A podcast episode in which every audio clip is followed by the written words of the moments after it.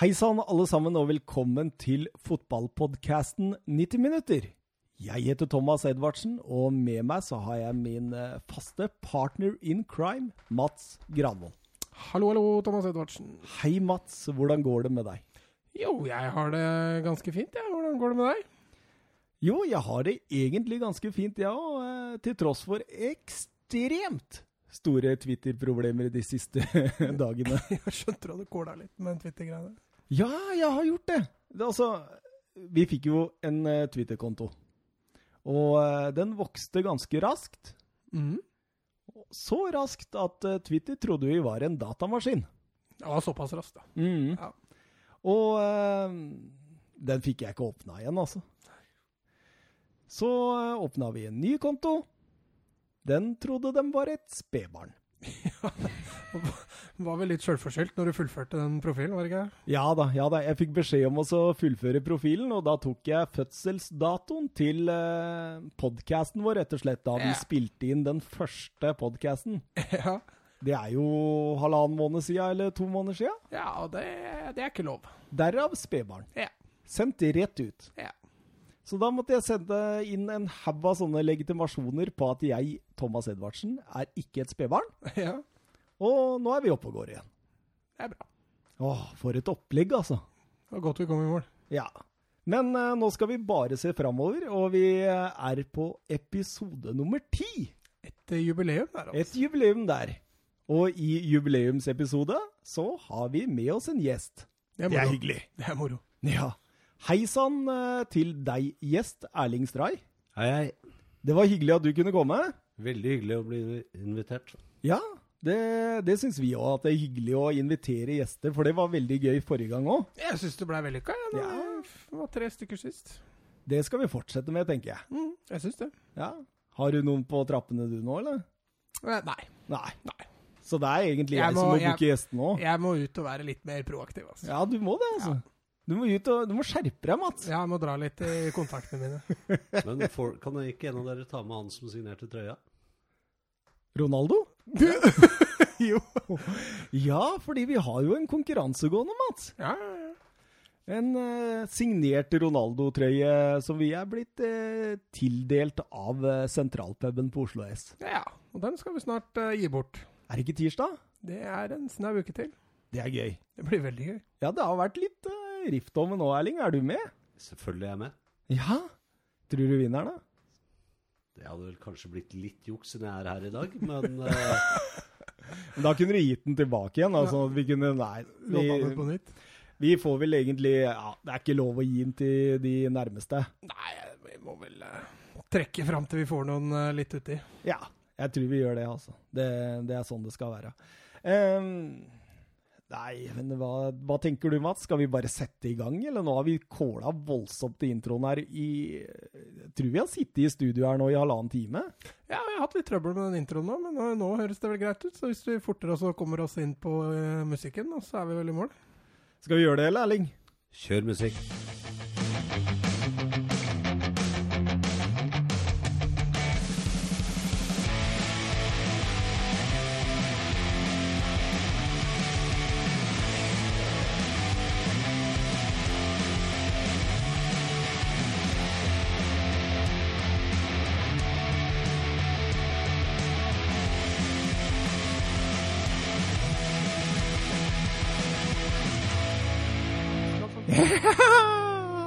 Klare, da! klare for en, en, ny runde? Ja. Det blir artig. Ehm, det første vi skal gå gjennom, da, det er eh, vi, vi må jo ta landskampene. ja, det var vel eneste fornuftige av kamper å ta nå. Ja, jeg syns det. Altså, jeg syns Nation League og alt det der, det blir litt for smått. Vi, vi kjører rett og slett norsk landslagsfotball nå. Ja, og så er det jo, altså Jeg syns jo det norske landslaget er spennende å følge nå. Det er mye artige typer. Absolutt, absolutt. Lagerbäck han begynner å få det til, han. Ja, han øh, Det er i hvert fall blitt litt mer interesse rundt landslaget igjen. øh, og som jeg sa, de har jo noen artige typer, så det er jo gøy å følge med på Norge.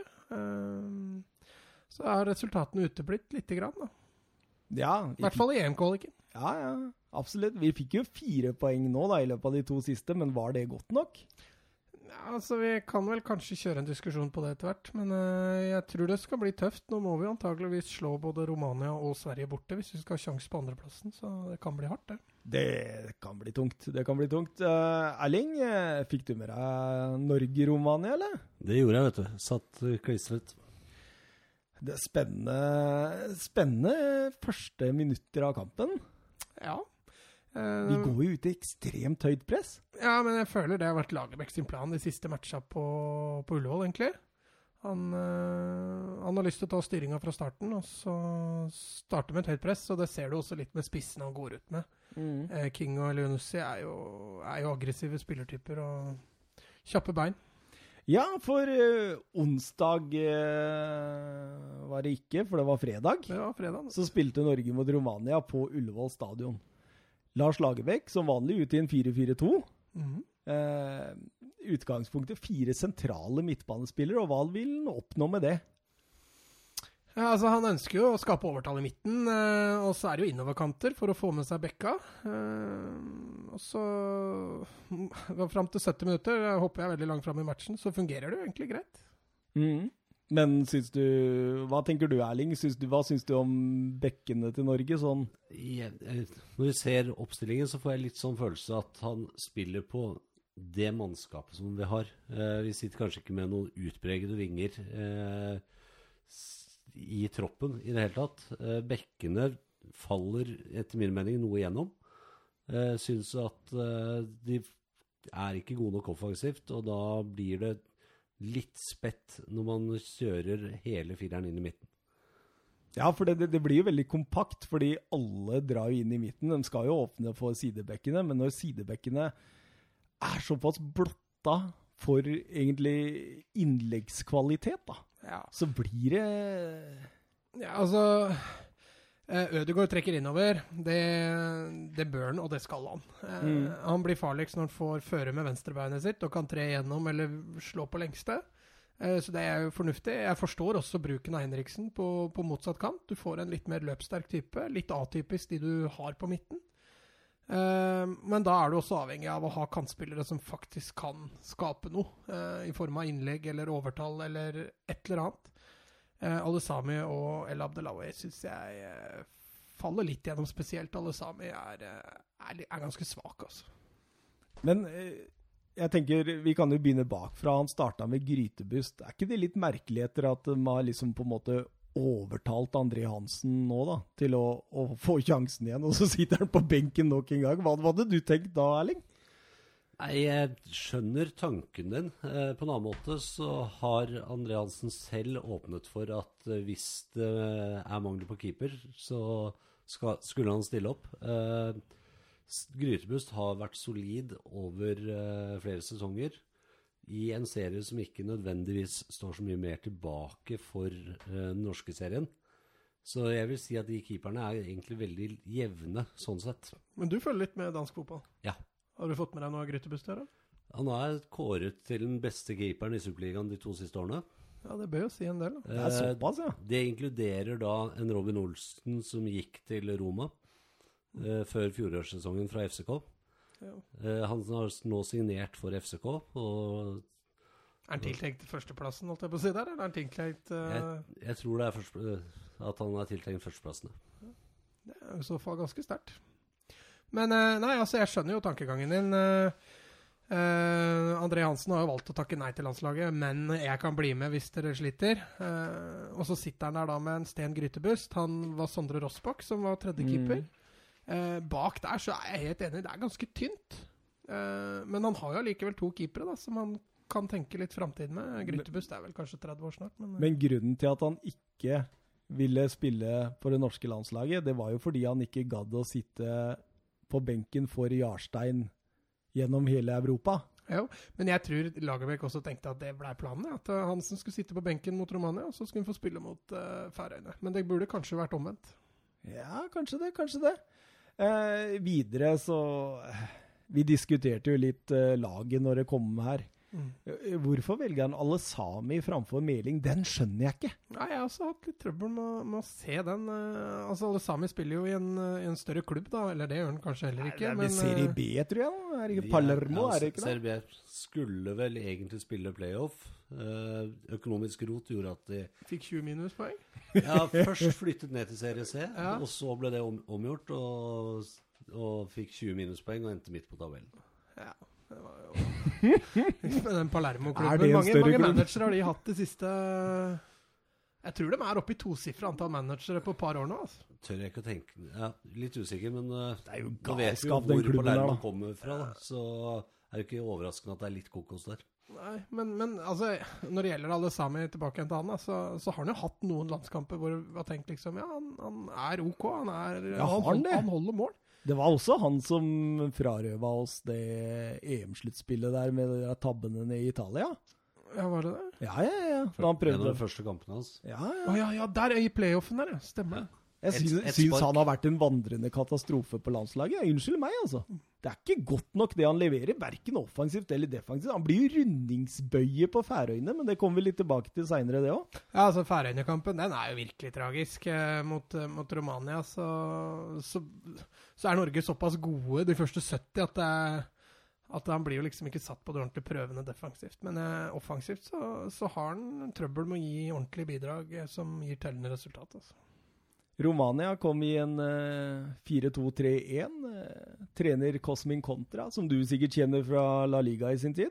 Stemmer. Ja, Han eh, fikk ikke plass til Haji på laget sitt. Startelveren. Ja, Han kom, han kom, da. kom kom inn. Ja. Eh, laget er prega av spillere fra Hellas, Tsjekkia rumensk liga, så det er stort sett ingen store spillere der. Nei, men Så det bør være et lag vi skal kunne slå på Ullevål. Ja, altså De store navna i, Roma i Romania nå, de uteblir. De mangler en Mutu, de mangler en eh, Hagi. De mangler, en, eh, de mangler et av de store navna som de eh, har hatt tidligere. Mm. Åh, husker du Christian Skiv? Ja, ja, ja. Ah. Jeg spilte med hjelm, han. Ah, han var god, altså. Og de hadde jo han der, han der fæle Adrian Ili òg, husker du han? Dan Petrescu. Ja, det var mye gode ja, Dumitrescu og Popescu, og det har vært mye gode fotballspillere i uh... Ja, ja, ja. Ikke noe, men de er eh, De har litt trøbbel med å få fram en ener nå. Ja. Eh, kontra, hvor, hvor spilte han nå? Var Atletico Madrid, eller?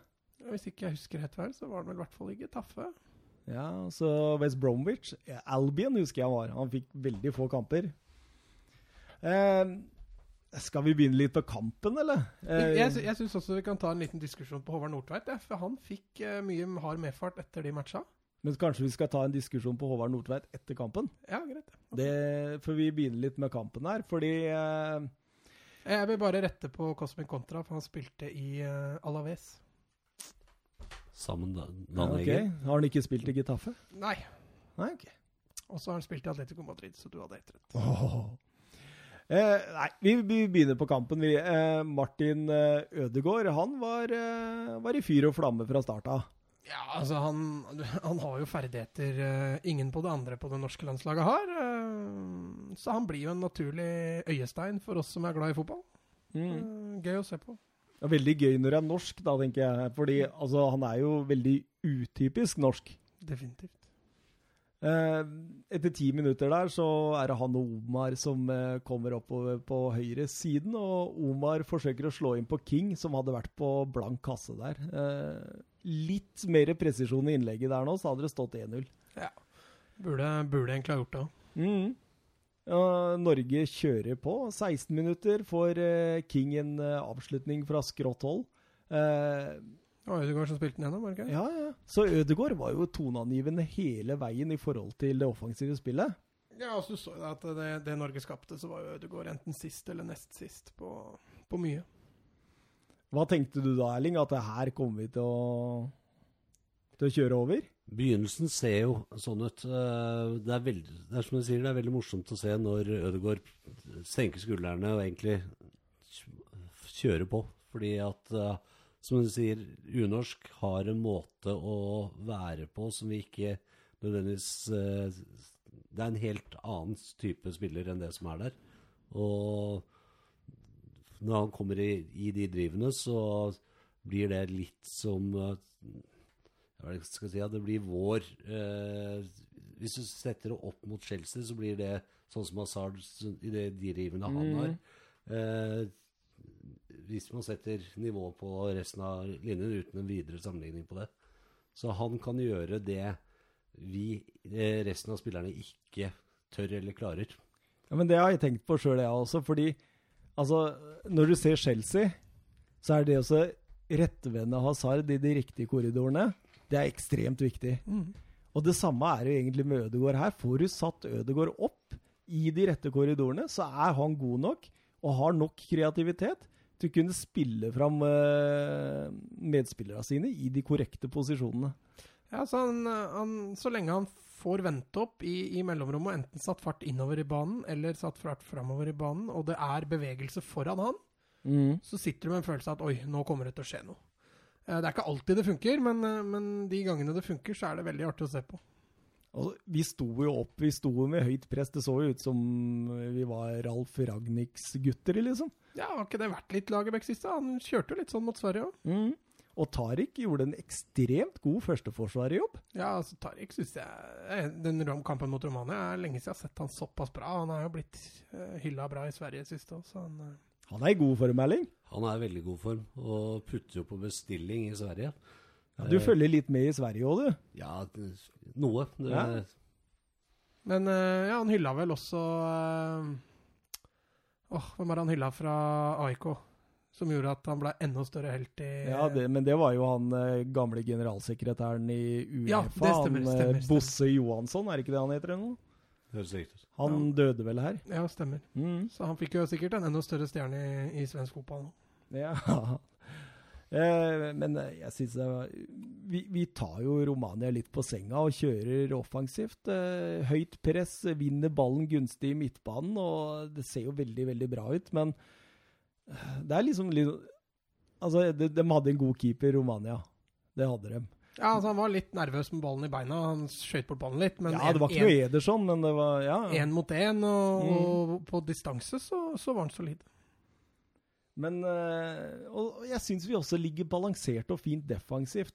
Så det er liksom At vi ikke skal liksom på en måte kjøre dette her helt ut, det, jeg fatter ikke. Ja, men jeg syns også han har funnet en bra konstellasjon sentralt på midten nå, med, med Berge og Selnes. Eh, Berge har jo vært en del skada, så han har ikke fått brukt den så mye som han sikkert skulle ønske Lagerbäck. Uh, men jeg syns Berge Selnes det er litt to sånne lirere som, som trives med ball i beina, som har kreativitet. Uh, Berge er jo fantastisk til å drive gjennom ledd. Han har et bra tempo. Uh, så jeg føler han har funnet sentrallinja si med, med Selnes og Berge, og, og Ayer og Nordtveit. Eh, og så gjelder det da å prøve å finne, som vi om litt innledningsvis, da, altså finne bekker som kan skape større trussel på innlegg. For eh, vi har jo hodestyrken foran mål òg. Men er, du helt sikker på at det er den rette du, duoen sentralt på midtbanen? For jeg tenker det at det burde de ikke hatt en mer klarere murbrekker enn ballvinner på den midtbanen der? Ja, hvem skulle det vært, da? Nei, eksempel eh, Stefan Johansson, eh, eller Johansen heter han vel, sentralt der. Han er jo liksom en sånn som kan gå litt i krigen og takle så det lukter svidd. Jo, jo, for så vidt. Men, eh, men både Berge og Selnes går utafor han med, med ballen. Med, Med ball i beina, ja. med ball i beina. Ja. Med en ganske solid gang òg, syns Men jeg jeg. syns de er ganske like, de to. Ja, det kan jeg for så vidt være enig i. Men nei, jeg egentlig ganske fornøyd. Jeg ville ikke ha bytta ut de to med Johansen. Jeg. Og så syns jeg også at måte at det, når Henriksen kommer inn som en sånn tredje der, så er han ganske lik de to òg.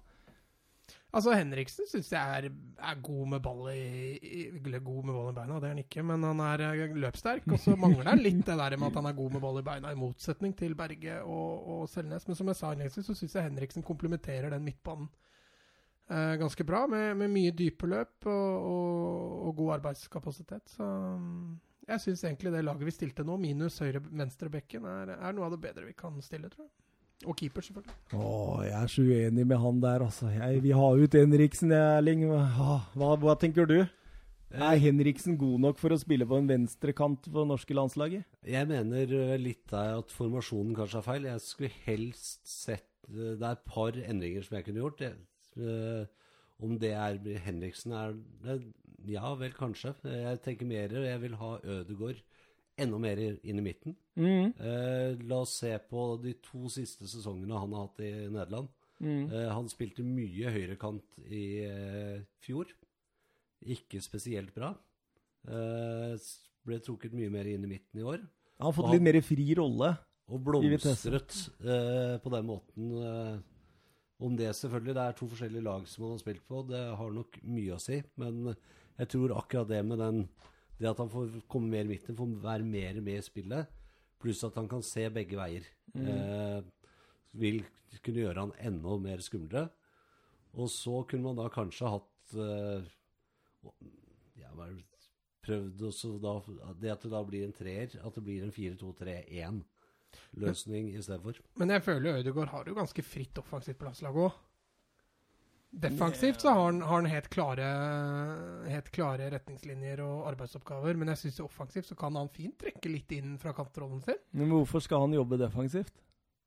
Og det er jo Lagerbäck de luxe, da. Ja, det er ikke, ja, han, det- han, har ikke, han har jo ikke plass til noen luksusspillere i elveren sin. Nei, men altså, altså, altså Han kan jobbe defensivt offensivt, hvis du skjønner hva jeg mener. Men han bør jo ikke drive og følge mannen ned på 16-meteren. Nei, nei, nei, altså du kan jo godt si at han må finne en rolle hvor han kan disponere kreftene sine riktig, men ja, og eh, Der er jeg enig med Erling. Hvis du tar en 4-2-3-1 da, og så setter han sentralt der, og så sier fri rolle, gjør hva du vil offensivt, jo, så får da, de andre jobbe for deg. men da funker jo ikke det høye presset med to ag eh, aggressive spisser. Jo, hvis Ja, han men, presser jo, som en det er jo bare å få en, en ene, opp, uh, ene kanten opp som spiss uh, i det offensive presset. Ja, men, Det er jo litt som Frank Lampard gjør med Derby. ikke sant? At han veksler posisjonene i forhold til presshøyde, i forhold til hvordan de ligger på banen. ikke sant? men hvis Ødegaard skal fritas i det defensive, så mister vi jo en, en, en, eh, en eh, offensiv Nei, men Jeg sier ikke at han skal fritas i det defensive, men han skal kun ha offensivt press. Ja, Altså på motstanders banehalvdel? Ja, Hvis men da, men da får du jo på en måte også den på en måte den frie rollen han ha, kunne ha til å, å bruke kreativiteten sin og bruke kreftene der hvor vi virkelig trenger det. For det, det er jo eneste han som har noe som ligner litt kreativitet på den norske midtbanen, spør du meg. Ja, altså, jeg syns jo Selnes kan glimte til litt innimellom, men eh, Altså, jeg er jo der at jeg tror ikke Norge er i, i De er ikke i posisjon til å ha luksusspillere som ikke behøver å jobbe defens, eller jobbe hjem. Uh, og når Ødegaard er en del av den midtbanen, så syns jeg det blir for dumt at han skal fritas. rett og slett. Nei, Vi trenger ikke å frita han, men uh, hvis han presser sammen spissen istedenfor Ja, da må du jo flytte den fram som én av to spisser, da. ja, nei, hvis, vi Ja, i det offensive presset. hvis, hvis vi kjører en 4-2-3-1, og vi pre, eh, presser som en 4-4-2 eh, Det vil si at Ødegaard går frem akkurat i presset og presser sammen med spissen. Ja da, jeg skjønner, jeg Og skjønner hva dere så slipper han fordi, å da ta de seige, lange løpene ned og avløse høyrebekken, som på en måte er der hvor eh, den kanskje største utfordringen hans er. Når han blir nødt til å løpe som en strikkball opp og ned hele veien Ja da, jeg, jeg, langs kanten. jeg skjønner hva dere mener, men da må vi jo få inn en eventuelt en ny kantspiller, da. Som, og så må jo Tariq eller King ut. Ikke Tariq, eller ikke King kanskje, men Tariq, da. Som Tariq må kan ut på kant, da, eventuelt. Tariq og Ødegaard og Tariq bytter plass, da. Ja, Ja, for eksempel. Eller få inn uh, Moi eller Jonossi, som jeg har veldig Jo, altså, lyst på. da. Jeg snakka Vi snakka litt om Moi før sendinga òg, men han er jo ikke i kampform, så jeg mener jo at det er riktig å ikke, ikke bruke han heller. Nei, det, men er Nordtveit i kampform? Nei, det kan godt hende Han, han, ikke bruker jo han. Men Du eh, ser jo hvordan det gikk òg, ja. Nei, det er jo sikkert en vurdering han har gjort der, men uh, Nei, jeg mener at han satt minus venstrebekk og keeper, så, så syns jeg han eh, gjorde en riktig vurdering. Ja da, og det, vi, vi skal jo ikke ta for mye på en måte ut av det, for vi spiller jo en veldig god landskamp mot Romania i 70 minutter. Ja, Eh, og vi får jo uttelling i annen omgang òg. 1-0 eh, Tariq Elionossi. Ja det er Ødegaard igjen det som, som eh, avslutter, og så blir det en retur der som han kommer først på. Ja, absolutt. Eh, bra fighta der. Han holder på å Ja, sitte ja. utenfor. Ja, men eh, nei, det var veldig bra. Og så fullfører han løpet sitt, og det er jo egentlig det som gjør at han, han kommer først. Ja, og etter 70 minutter så gjør Ødegaard det sjøl. Ja, er Eller med hjelp av King, King altså, den vendinga der er ja. fantastisk. Og så den luka han gjør etterpå der. Ja, ja. Og, Men vekter, og, så den, og så ser du etterpå fra sida når pasningen slås. Det er perfekt timing. Mm. Mm. Ødegaard er akkurat ikke i offside. Eh, vekta helt perfekt, som gjør at Ødegaard holder farta gående. Eh, og finter, eh, finter skuddet i motsatt hjørne, og keeper går feil. Og, Nydelig avslutning. ja, herlig satt. Det er litt sånn Det er ikke mange norske spillere som hadde gjort det alene mot keeper. Ja, I hvert fall ikke 20-åringer. Nei, absolutt ikke, altså. Du ser jo King. Der lukker øya klin til. Ja, Men King er jo det nest beste vi har på det norske landslaget, da. Ja, definitivt. Offensivt. Han skaper ekstremt mye. Men så kommer det som er det interessante her. Hva er det som skjer? Siste 20. Ja, fordi plutselig så blir det masse rot. Vi legger oss bakover. Vi, Det ser ut som vi legger oss bakover. ja, altså vi Det ser kanskje sånn ut, ja. Men vi gjør jo det egentlig ikke. Eller halve laget gjør det, og halve laget gjør det ikke. Det er litt sånn dårlig samhandling i hvordan man skal løse oppgaven når man leder 2-0 de siste 20 der.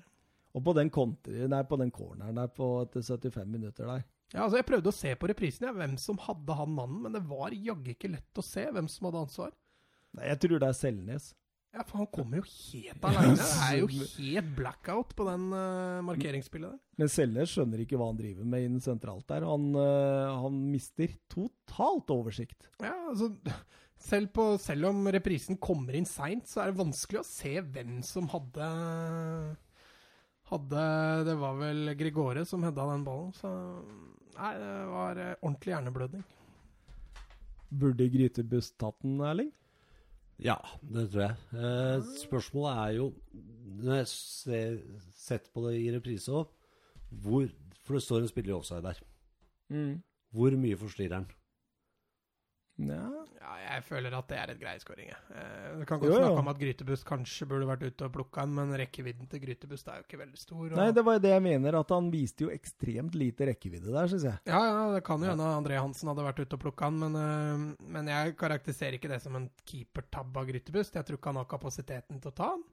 Eh, mannen som står i offside, føler jeg ikke hindrer noen nordmenn til å forstyrre der, så Hindrer han Grytebuss til å kaste seg inn i det? At han hadde kasta seg hvis han ikke hadde stått der? Ja. Nei, det tror jeg ikke. Jeg tror ikke Grytebust merker den engang. Det ble i hvert fall 2-1, og det var jo fullstendig svikt i det soneforsvaret vi setter opp. på Ja, men altså, det, soneforsvaret, det skjønner jeg heller ikke. Eh, Så det mot Jeg kommer jo til Færøyene-matchen nå, men eh, Færøyene er jo farlige på dødball nesten hver gang. Mm. Så det der soneforsvaret til Lagerbäck og de lange innkasta, det tror jeg han bare skal legge under en stol og glemme at han noen gang har prøvd det. Men husker du starten til Lagerbäck i Norge? Da sleit vi jo voldsomt på eh, defensiv dødball. Ja, men før Lagerbäck òg. Mm. Og så endra det seg litt plutselig. Jeg fikk litt uh, tak i på det, men nå er vi gått skikkelig Ja, jeg husker på fjorårssesongen, eh, eller det blir vel to år siden eh, Nei, det blir fjorårssesongen. Da møtte vi jo mye kokos. Vi møtte jo, og Nå har vi møtt Spania, vi har møtt Sverige, vi har møtt Romania. Alle de lagene er jo bedre enn de beste lagene vi møtte i fjor. mm. Så det er klart at Dere skal ikke skylde på det, men uh, vi kommer jo til å få mer å, mer å bite over, for å si det på den måten. Og jeg føler ikke Norge har takla det så veldig bra. Ta det neste steget, rett og slett. Ja, fordi uh, de skårer jo til 1-2 der, og Det blir litt nervøst. Ja, det gjør det, altså. Og, og det som jeg lurer litt på det er, Jeg skjønner ikke helt stylen der, fordi egentlig da så skal man bare låse kampen, ikke sant. Legge seg bak. Korte avstander. Eh, Ja, altså- hindre rom. Han kunne jo lagt om der òg, når han tar ut Tariq Elionussi. Eh, så setter han inn en ny spiss. Mm. Eh, der kunne han jo ha valgt f.eks. en eh, ja, altså en, enten en offensiv midtbane, da, à la Midtsjø eller noe sånt, eller en Stefan Johansen som kunne eh, gjort det enda trangere sentralt i banen. Eh, Han hadde jo jobba sokka av seg. Ja, Fått ja, ja. inn han der på slutten. Dekka rom. Og så kunne han jo da gjort om, da, sånn som dere f.eks. foreslo, å sette Johansen inn på en kant, og så dytta Ødegaard inn sentralt. Mm. Jeg syns eh, Jeg tenkte på det i etterkant. Jeg syns kanskje Lagerbäck gjør en taktisk feil ved å faktisk legge seg tilbake. For jeg føler at vi har såpass mye kontroll selv eh, fram til 2-0 at vi burde egentlig bare kjørt på. Ja, Da er jeg helt enig med deg, Erling. Jeg er også, altså Mange stusser på at Norge ikke er mer kyniske. Det er for så vidt helt riktig. Skal du safe inn en 2-0-ledelse Vi er ikke gode nok til å Vi har ikke spillerne til å safe det inn. Altså, Norge er så jækla snille. Ja. Vi, er, vi er så snille. Vi drøyer ikke tida. Vi, Eh, vi er ikke disiplinerte nok til å være kyniske. Uh, og så når vi i tillegg da er både ett og to hakk bedre enn Romania, så skjønner jeg ikke at vi skal safe inn 2-0 når vi kan gå for tre. Og gruppa er såpass tett. Ja, En fire- kan 4-0-seier hadde mest sannsynlig vært gull verdt istedenfor eh, 2-2. Ja. Eh, eller 2-1, for den saks skyld. Jeg er for så vidt, eh, enig med deg og- Men det vi i hvert fall kan være enige om, er at det virka ikke som gutta hadde lært så veldig mye av den Sverige-kampen. Nei, for det som skjer, vet du, det er jo det at han Kesseru, som skårte det første målet, han skårer jo 2-2 på overtid. Ja, ja, ja, det måtte jo komme, det. Men eh, igjen, da, så er vi litt tilbake igjen til det med det med kynismen igjen. Altså, vi gir bort litt for enkle dødballer. Vi, eh, vi drøyer ikke tida. Vi, eh, vi klarer ikke å klarere ballen langt nok. Men se på det presset til Markus Henriksen i forkant av Hagi som kom inn der. Sønnen til Hagi. Mhm. Sønnen til Hagi, han Hagi. Mm. Han går- legger inn der. Se på det presset til Henriksen. Det virker som han eh, Enten så orker han ikke, eller så gidder han ikke. Eller så evner han ikke. Hva, hva kan det være? Tror du det er evner? Nei. Nei, fordi han Han har jo et han er, Henriksen er jo en god førsteforsvarer. Eh, eller en decent førsteforsvarer. Men blir han for passiv? da? Er han for redd at dette skal ryke igjen? Men det er jo, det er jo minuset med å legge seg bakpå, er jo at du fort kan gå fra å være aggressiv til å bli passiv. Eh, og det er jo eh, noe Norge definitivt blir de siste 20 min. De er jo veldig passive. Ja, men jeg tenker jo liksom Altså, det var jo i hvert fall fire-fem, kanskje til og med seks spillere som tok kontringer hele veien. Kjørte 100% hver gang vi fikk. Vi holdt jo på å skåre 3-1 ved Tariq der pga. en kontring. Mm. Eh, men så, så hører jeg et intervju med Lagerbäck etter eh, matchen, hvor han sier det at eh, han ga spillere beskjed om å ligge defensivt. Skulle Korte kontringer. rom, ikke ta kontringer, og rett og slett safe dette inn. Og så er det noen spillere som tar kontringene 100 Mm. Hva, hva sier det litt, liksom til treneren? At vi, vi bryr oss ikke om hva du sier, eller hva? Jeg, vi... Altså, jeg tror, jeg tror nok de har hørt beskjeden, og de nok i utgangspunktet vil høre etter. Men når laget vinner ball, og så er det rom, og så har du offensive sjeler i troppen, da, eller i, i laget som Henriksen og Ødegaard og King og Elionussi og Kamara, da, som spilte på slutten. De tar jo de løpene. Men du ser jo også da f.eks. når Ola Kamara da har muligheten til å kontre den ene gangen der, som er starten på det siste 2-2-målet, så stopper han opp, snur seg om, slår en lang støttepasning til Grytebust, og som ender med corner. Og som Romania scorer på. Så nei, Norge klarer ikke å forsvare seg. Det er som Erling sier, at det skulle gått for 3-0, og så safa kampen inn med å rett og slett ha ballen mer i laget. Mm. Jeg tror ja. Norge har mer spillere til det enn å krige inn eh, Eller være kynisk og, og forsvare seg inn til 2-0. Men du har ikke noe tro på 4-2-3-1 med troppen vi har der, da? Altså, jo, jo, det kan jo fungere, det òg, men, men eh, da må du spille ganske smalt, offensivt. Vi Mhm. har jo ikke gode nok Men det gjør vi jo fra før av. Ja, nettopp. Ja. Eh, sånn at eh, da mister du jo en spiss. ja, men du får jo enda flere midtbanespillere som kan true rom raskere, da. True Jo, ene- både rom og true i boks. Den ene spilleren der blir jo Martin Ødegaard, regner jeg med du tenker. Ja, altså, jeg vil ha han mest på ball, jeg. Ja, altså da blir han jo enten ute til høyre eller inne sentralt. Inne sentralt. Ja. Da må du ha en innoverkant på høyresida og en innoverkant på venstresida. Mm. Den ene kan jo for så vidt være Markus Henriksen. Mm. Uh, Den andre s- Mats Møller Dæhlie eller et eller annet sånt. Ja, vi kan jo godt ta en, kan jo godt ta en diskusjon på det òg, men Ja, eller Tariq, da kan jo også fungere der. Men da får jo Tariq mer defensivt ansvar igjen. Ja. Så da mister du jo den første presset. Martin Ødegaard er ikke en like god førsteforsvarer som Tariq Elunussi. Han er ikke en like god førsteforsvarer som Joshua King. Nei, Så du mister det der høye presset som Lars Lagerbäck er så glad i. mm. Og du ser også det, til og med Bjørn Mars Johnsen jobber jo Er ikke jeg så veldig glad i han, men han, han, han jobber jo i hvert fall ganske hardt i det første presset. Eh, men eh, nei Altså Litt av grunnen til at jeg sliter med å se at det fungerer, er at vi, vi mister en kantspiller. Og Moe Elunussi kunne vært spilleren som kunne tetta det hullet. Mm. Eh, men så lenge han ikke er i kampform og ikke får spille, så, så tror jeg Lagerbäck gjør det riktig. Ja, OK. Jeg mener det. Du mener det? Ja. Er Og så ville jeg jo selvfølgelig, som jeg sa i stad, de siste 20 er en taktisk feil. Der må man enten gjøre noe bytter og, og være mer kynisk, eller så må vi jo bare fortsette å kjøre. Vi kan jo ikke Det blei jo mellomting. Det blei jo en mellomting, Mm. og det, det funker jo ikke. Romania var akkurat gode nok til å straffe oss. Forferdelige greier, egentlig. Ja, Når du har eid en kamp i 70 minutter, og så taper hun på de siste 20. Ja, det, er, eh, det var egentlig litt trist. Eh, Norge har som sagt, som jeg har sagt før, et veldig spennende lag. og Jeg syns det er litt synd at de løser det på den måten. Hva med fantasypoengene dine i denne Jeg har konsentrert meg om Norge, jeg, da. Eh, Jeg veit vi har en tomålsskårer på Romania, men eh, jeg har gitt tre poeng til, eh, til nordmenn. Du har det, ja? Jeg har gjort det. Tre poeng til Martin Ødegaard, selvfølgelig. Toneangivende som, som få. To poeng til Lionossi. Jeg syns han legger ned en vanvittig innsats. 1-0-skåringen er så veldig befriende. Også ene poenget. Der lå jeg vippa lenge mellom King og Berge og Ayer. Uh, endte til slutt opp på Joshua King. Mhm. Mine tre går til eh, Martin Ødegaard. Men jeg, jeg er litt mer sånn eh, Hva kan du si? Åpen for alt. Jeg, så jeg gir uh, tomålsskårer Keseru to poeng, fordi han er tomålsskårer. Han eh, redder et poeng for Romania. Og, men ellers er han ganske borte i matchen, altså. Han er ikke det. Han er ikke noe toneangivende, så sånn sett. Men uh, han er litt origi, da. Ja, Divo Korrige. Og så gir jeg ett poeng til eh, Tariq Elionossi, så jeg var jo enig med deg der, da, at det er Norges nest beste spiller på banen. hvem er Norges tredje beste? Jeg eh, tror faktisk i den kampen der at jeg ville gått for eh, Nei, jeg, jeg har ikke tenkt så langt, egentlig, men eh, Fordi jeg syns ikke det var sånn voldsomt mange som eh, sto fram.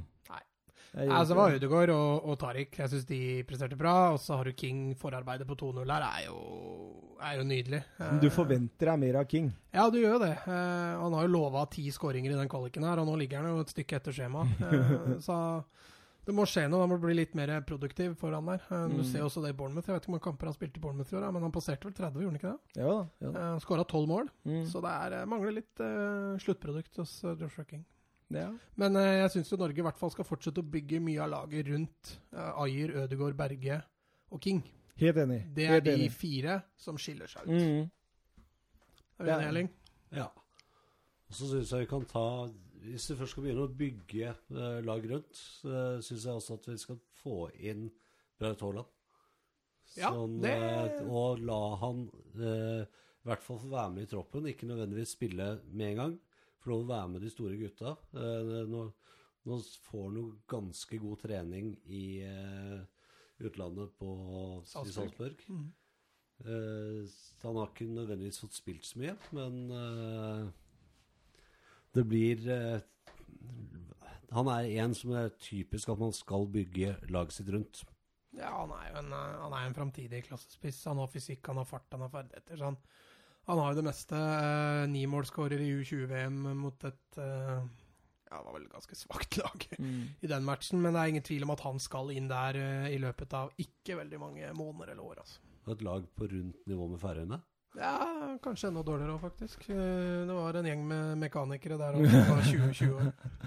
Men, eh, Lærlinger. Ja, lærlinger mekanikerlærlinger. men Tariq gjorde en grei match, og, og King er jo bankers. Men eh, du lanserte Lene Olsen som en mulig Altså, jeg, altså Sånn i forhold til hvordan Lagerbäck ønsker å spille, eh, Mhm. med eh, aggressive spisser, med løpssterke spisser, så passer jo egentlig Lene Olsen ganske så perfekt inn i den eh, beskrivelsen. Eh, I tillegg så har han hatt en veldig god vårsesong i, i Lillestrøm, så ja, det er en mulig, mulig, mulighet der òg. Men nå har han jo Ola Kamara i bakhånd, han hadde Bjørn Mars Johnsen i bakhånd og en Alexander Sørloth som er skada, så jeg tror nok Lene Olsen eventuelt blir et sjette-sjuende valg, og da, da blir det jo langt fram. Mm. Hva tenker du, Erling? Uh, ja uh, Nå er jo Lagerbäck vil jo spille veldig på sin måte. Han har vel sagt at etter EM så tror ikke han at han kommer til å fornye. Så spørsmålet er jo litt Da mener jeg forbundet bør gå inn og finne, definere litt hvordan er vi vil spille. Eh, jeg mener at det har ikke fungert eh, optimalt sånn som Lagerbäck har. Eh, kanskje man skal finne ut en annen eh, løsning, og så bygge da lagene ut etter det. Og da er jeg redd for at eh, Lene Olsen eh, blir veid for, enk eller for lett på det.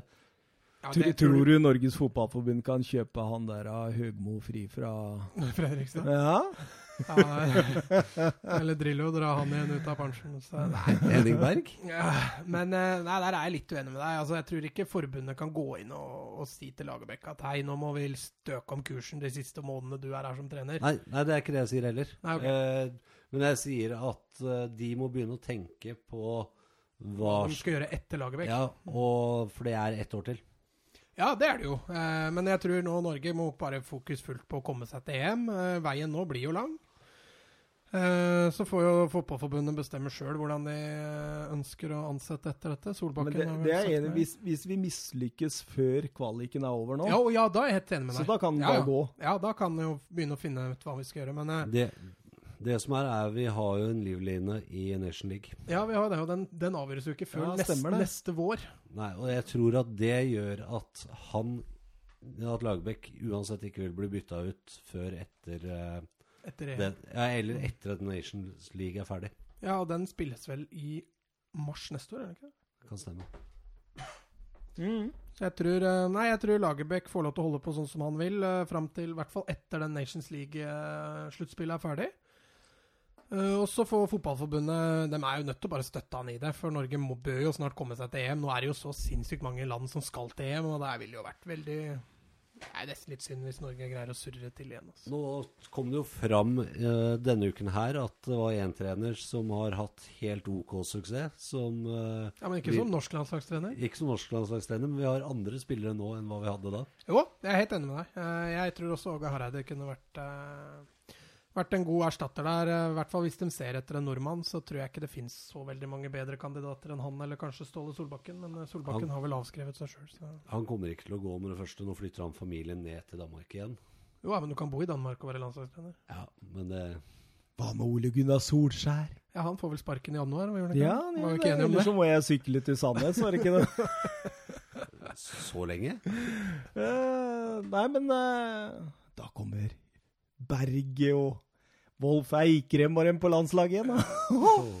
Ja, nei, men Wolf Eikrem har hatt en bra sesong i Molde, så at han eh, kunne vært med i en tropp, det hadde jo ikke synes jeg Ja, men du, du veit, Lagerbäck ser ikke Eliteserien, vet du. Så han veit sikkert ikke hvem Lene Olsen er engang, omtrent. André Hansen veit jo hvem er, da. Ja, men det er jo fordi han har blitt fortalt, tror jeg. Birke jeg, tror ikke, jeg, jeg, jeg tror ikke han, eh, etter hva jeg har forstått, så Jeg tror ser han ikke. Eliteserien. Men, men altså, en El Abdelawi spiller fast i Olympiakos, Svensson spiller fast i altså, Alkmaar. Altså, mange av gutta som starta nå, kanskje med unntak, da Håvard Nordtveit, har jo spilt, eh, spilt veldig mye fast. Mm. Eh, og når du spiller fast i Nederland, Hellas, eh, England, Sveits altså Dette er jo alle bedre ligaer enn den norske. Ja. Så jeg syns egentlig det for så vidt er greit. Så hvis Messi hadde Ja, Nå blir det utopi. Jeg kan avbryte deg med en gang. Eh, norsk statsborgerskap og flytta til Trondheims Ørn, så hadde ikke han vært god nok. Jeg skal ta over for Bentner. Tar over lønna til Bentner. Nei, men Poenget mitt er at eh, det kan jo finnes gode fotballspillere som eh, ikke nødvendigvis er henta til utlandet. Jo, definitivt, men det gjør ikke det i dette tilfellet.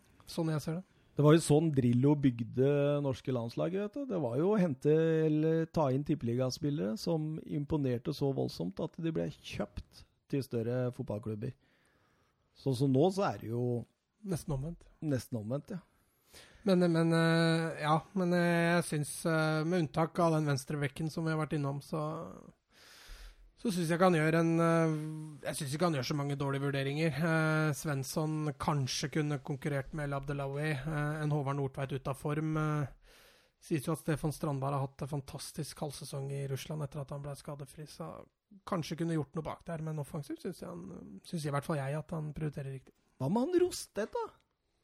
Jo, altså, jeg tror da grunnen til Nordtveit, som jeg egentlig sa vi kunne ha en liten diskusjon på, da, er jo det at defensivt så er jeg helt enig. Nordtveit er ganske naken. Han eh, står ofte feilplassert, han mangler litt tempo. Eh, men offensivt så syns jeg Nordtveit bryter her ganske mye. Han har en strøken høyrefot som kan crosse de ballene ganske langt. Han er bra ferdigheter, bra fotballforståelse. Og så Nei, jeg tror Nordtveit offensivt er, det, er egentlig det Lagerbäck ser etter når han eh, velger Nordtveit. Ok, ok. Jeg ville kanskje gått for en annen, men eh, ja, det er greit. Eh, Jeg kjøper den. Skal vi dra videre til Færøyene, eller? Ja, vi reiser eh, Vi, vi tar flyet over til Torsvøllur stadion i Torshavn. Oi. Ja, en by med rundt eh, 13 000 beboere og et land på størrelse med Tønsberg i antall mennesker. Ja. Eh, landslag med snekkere og revisorer og mekanikere, som du var inne på. Et lag som Norge bør feie ganske greit av banen. Hvis FK Tønsberg hadde møtt Færøyene, jeg tror det kanskje kunne blitt jevnt. altså. ja, jeg Tror tror faktisk det. Tønsberg ligger vel i andre divisjon, da. Jeg, sammenlign, jeg sammenlignet det jo med Carrieng. Ja, Karrieng, ja. Det var et lag som kom på niendeplass i Lu- Luxembourg-serien Ja, ja, ja. og fikk spille Europacup pga. at de tapte for eh, serievinneren. I, I cupen. Køp, Stemmer. Men åssen gikk det med Kerry-gjeng, Erling? Det, de gikk eh, på et bananskall for noen. Det var Lillestrøm som røyk, var det ikke det? Jo. Det var dårligste siden Åtvida Berg slo eh, Brann. Forferdelig, vet du. Men eh, og vet du hvem som spilte Åtvida Berg? Nei. Peter Crouch. Oi, oi, oi. Var det der han ble oppdaga, eller? Vet du hva, eller? Eh, Og grunnen til at vi snakker litt sånn nå, da, er jo det at eh, Færøyene Det er eh, Altså, jeg tror veldig mange tippeligalag hadde slått Færøyene. Ja. Mange eliteserielag. Eh, Norge og Færøyene hadde møttes to ganger tidligere i nyere tid. Mm. I 92 og 93, begge privatkamper. Norge vant 2-0 i 92. Skåringer av Sørloth og Lars Bohinen. Og i 93 så vant Norge hele 7-0. Eh, Østenstad 2, Mons Ivar Mjelde 2, Lars Bohinen igjen, Øyvind Leonardsen. Og den siste som skårte der, det er en gammel Lillestrøm-spiller, Erling Stray. Frigård. En kantspiller med midtskillsveis. Kan du huske han? Jan Ove Pedersen. Var det det? Ja. Jan Ove Pedersen skårte mål der. Det var litt artig å se navnet hans igjen. Det er lenge siden. Ehm, det er de to eneste registrerte landskapene jeg kunne finne på NFF sine sider mot eh, Færøyene.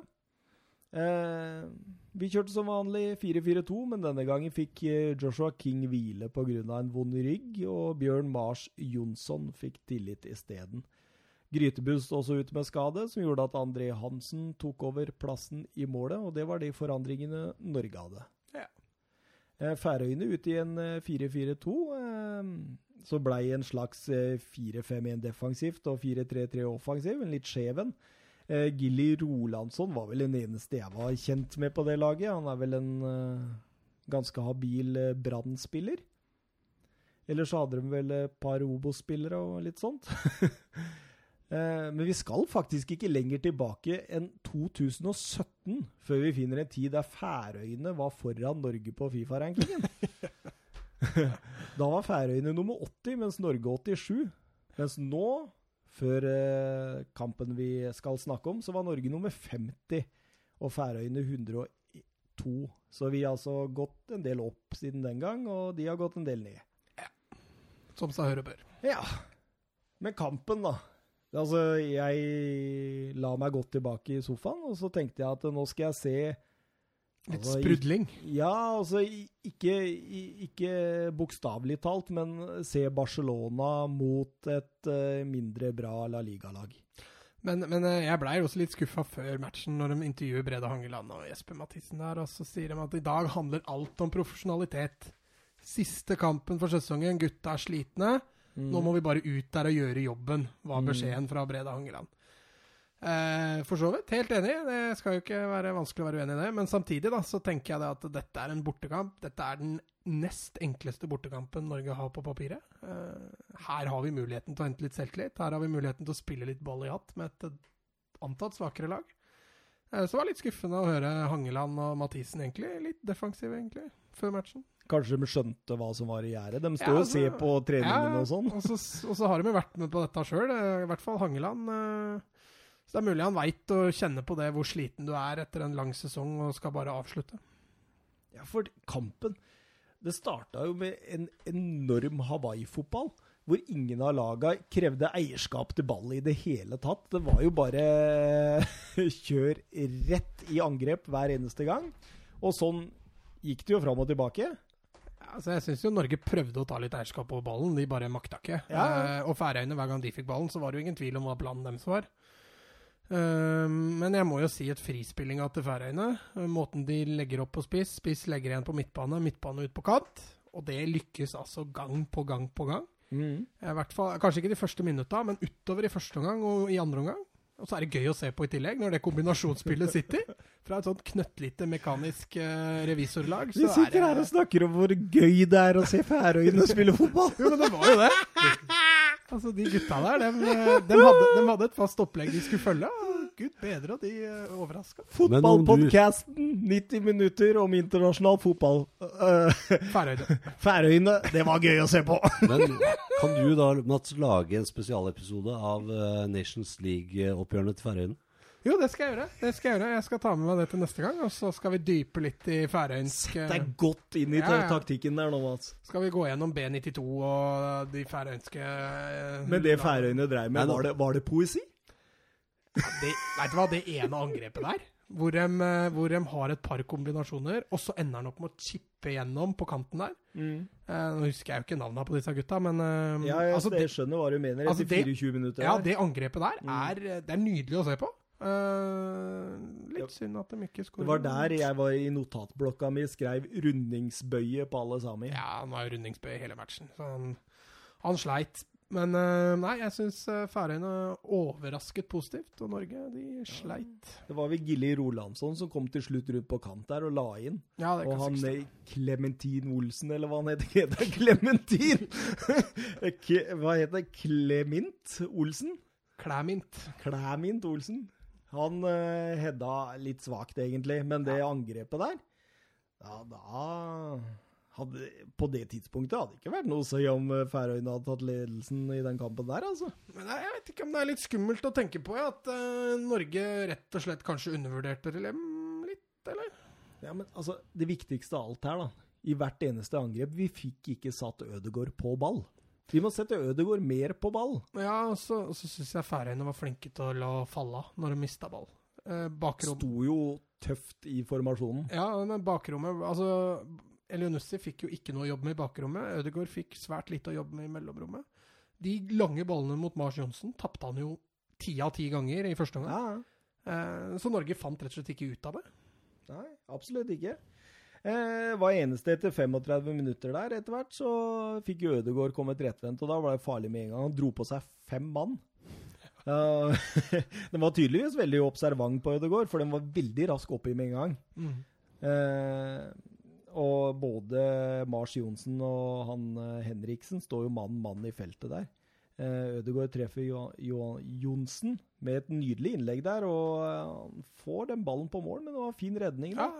ja, Gestson, eller hva han heter for noe. Han, han hadde noen kvalifiserte redninger i første gang. Her har du Gjestsson og Clementin og hele gjengen. Vet du, Snekkere og Hæ, Erling? Hæ, flott! Du får flytte, flytte til Færøyene, Erling, så er det mulighet for landslagsspill. Ja, vi, vi, vi tulla litt med det der. der. At de annonserte på nyhetene før de tok opp eh, satt eh, troppen. Om at det er noen som har lyst til å bli med denne gangen, så, så send inn mail til Mø møt opp. Og det var egentlig første omgang. Det ebba ut med 0-0, og Norge bør vel kanskje sånn strengt tatt være mest fornøyd med det, fordi jeg syns Færøyene var helt på høyde og vel så det. Altså, Du har den store sjansen til eh, Mars Johnsen, som blir en bra avslutning og en Ja. eh, strålende redning. Og så hadde du noe tilløp, bl.a. Tariq Elionussi, som avslutter håpløst der etter at eh, det var vel Selnes som spiller den gjennom. Og Så hadde du et tilløp til med Martin Ødegaard, men, men det blir ikke noe sluttprodukt ut av det. Og Færøyene hadde jo to store sjanser med sluttprodukt, hvor de fort kunne ha scora. Men rett etter pause så tar vi ledelsen likevel. Ja, gjør det det, gitt. Bjørn Mars Johnsen, favorittspilleren til Mats Granvold der, altså. Ja. Eh, han eh, Men han god i lufta, da. Det var han jo. Han Altså, ikke i første omgang. Eh, Jeg så Jesper Mathisen var ute og sa at han ikke gjorde en eneste feil, og det, det sliter jeg med å se. Altså. Jeg syns han taper mye dueller, og han er jo, eier jo ikke kreativitet eller eh, andakt, den mannen. Men, men, ja, men jeg syns det var bra bevegelser i forkant der, for han trekker Ja, men- liksom på, på seg stopperen, og så trekker han seg unna når han har fått kontakt. og møter innlegget fra Selnes, på bakerste der. Og header ballen rett over hodet på keeper. Altså En bedre keeper hadde sannsynligvis tatt den. Ja, han har jo altså andre goal. Nå er det ikke noe god avslutning heller, men, eh, men altså han er, Det er jo spisskompetanse på Bjørn Mars. Det er det Mm. ingen tvil om. Det er Nei. fysikk. Han skal foran mål, foran inne i 16-meteren. Så forstår jeg det veldig godt. Eh, og det var vel sikkert sånn også Lagerbäck tenkte, at her skal vi ha mye ball, vi skal pumpe litt innlegg. vi skal... Når kampen ikke går som det, så syns jeg Mars Johnsen Altså Han skårer to mål og redder Norge så det synger, egentlig, men eh, jeg syns han faller nesten litt gjennom. Altså. Hva syns du om Bjørn Mars? Eh, Ja, det er begrenset fotballspiller. Eh, Det er som du sier, han blir brukt pga. spisskompetansen. Eh, Lagerbäck har en måte som han hadde veldig suksess med å spille, eh, spille på med Island. Han har prøvd å ta mye av det samme over til Norge, men vi er ikke i nærheten av å nødvendigvis ha de samme spillertypene. Eh, Vi har mye mer bøtteknotter eh, på laget enn hva Island hadde. Bøtteknotter er et nydelig ord. Hvem er den største bøtteknotten? Ja, det er spennende. Skal vi se, Hvem er den største bøtteknotten eller den minste? Eh, ja Det er alle samer. ja. være alle samer. Det er den største bøtteknoten, altså. Å, herregud. Eh, men eh, 58 minutter så er det Ødegaard som kommer seg fri på høyrekanten. Drar av Færø, som faktisk var ganske bra. Da. Han er HamKam- HamKam-spiller, er han ikke? Ja, han følte vel han hadde litt å vise fram. Mm, legger nydelig inn mot Kamara, som har kommet inn for Tarek der, og headingen rett over. Det er innlegg med høyrebein. Ja.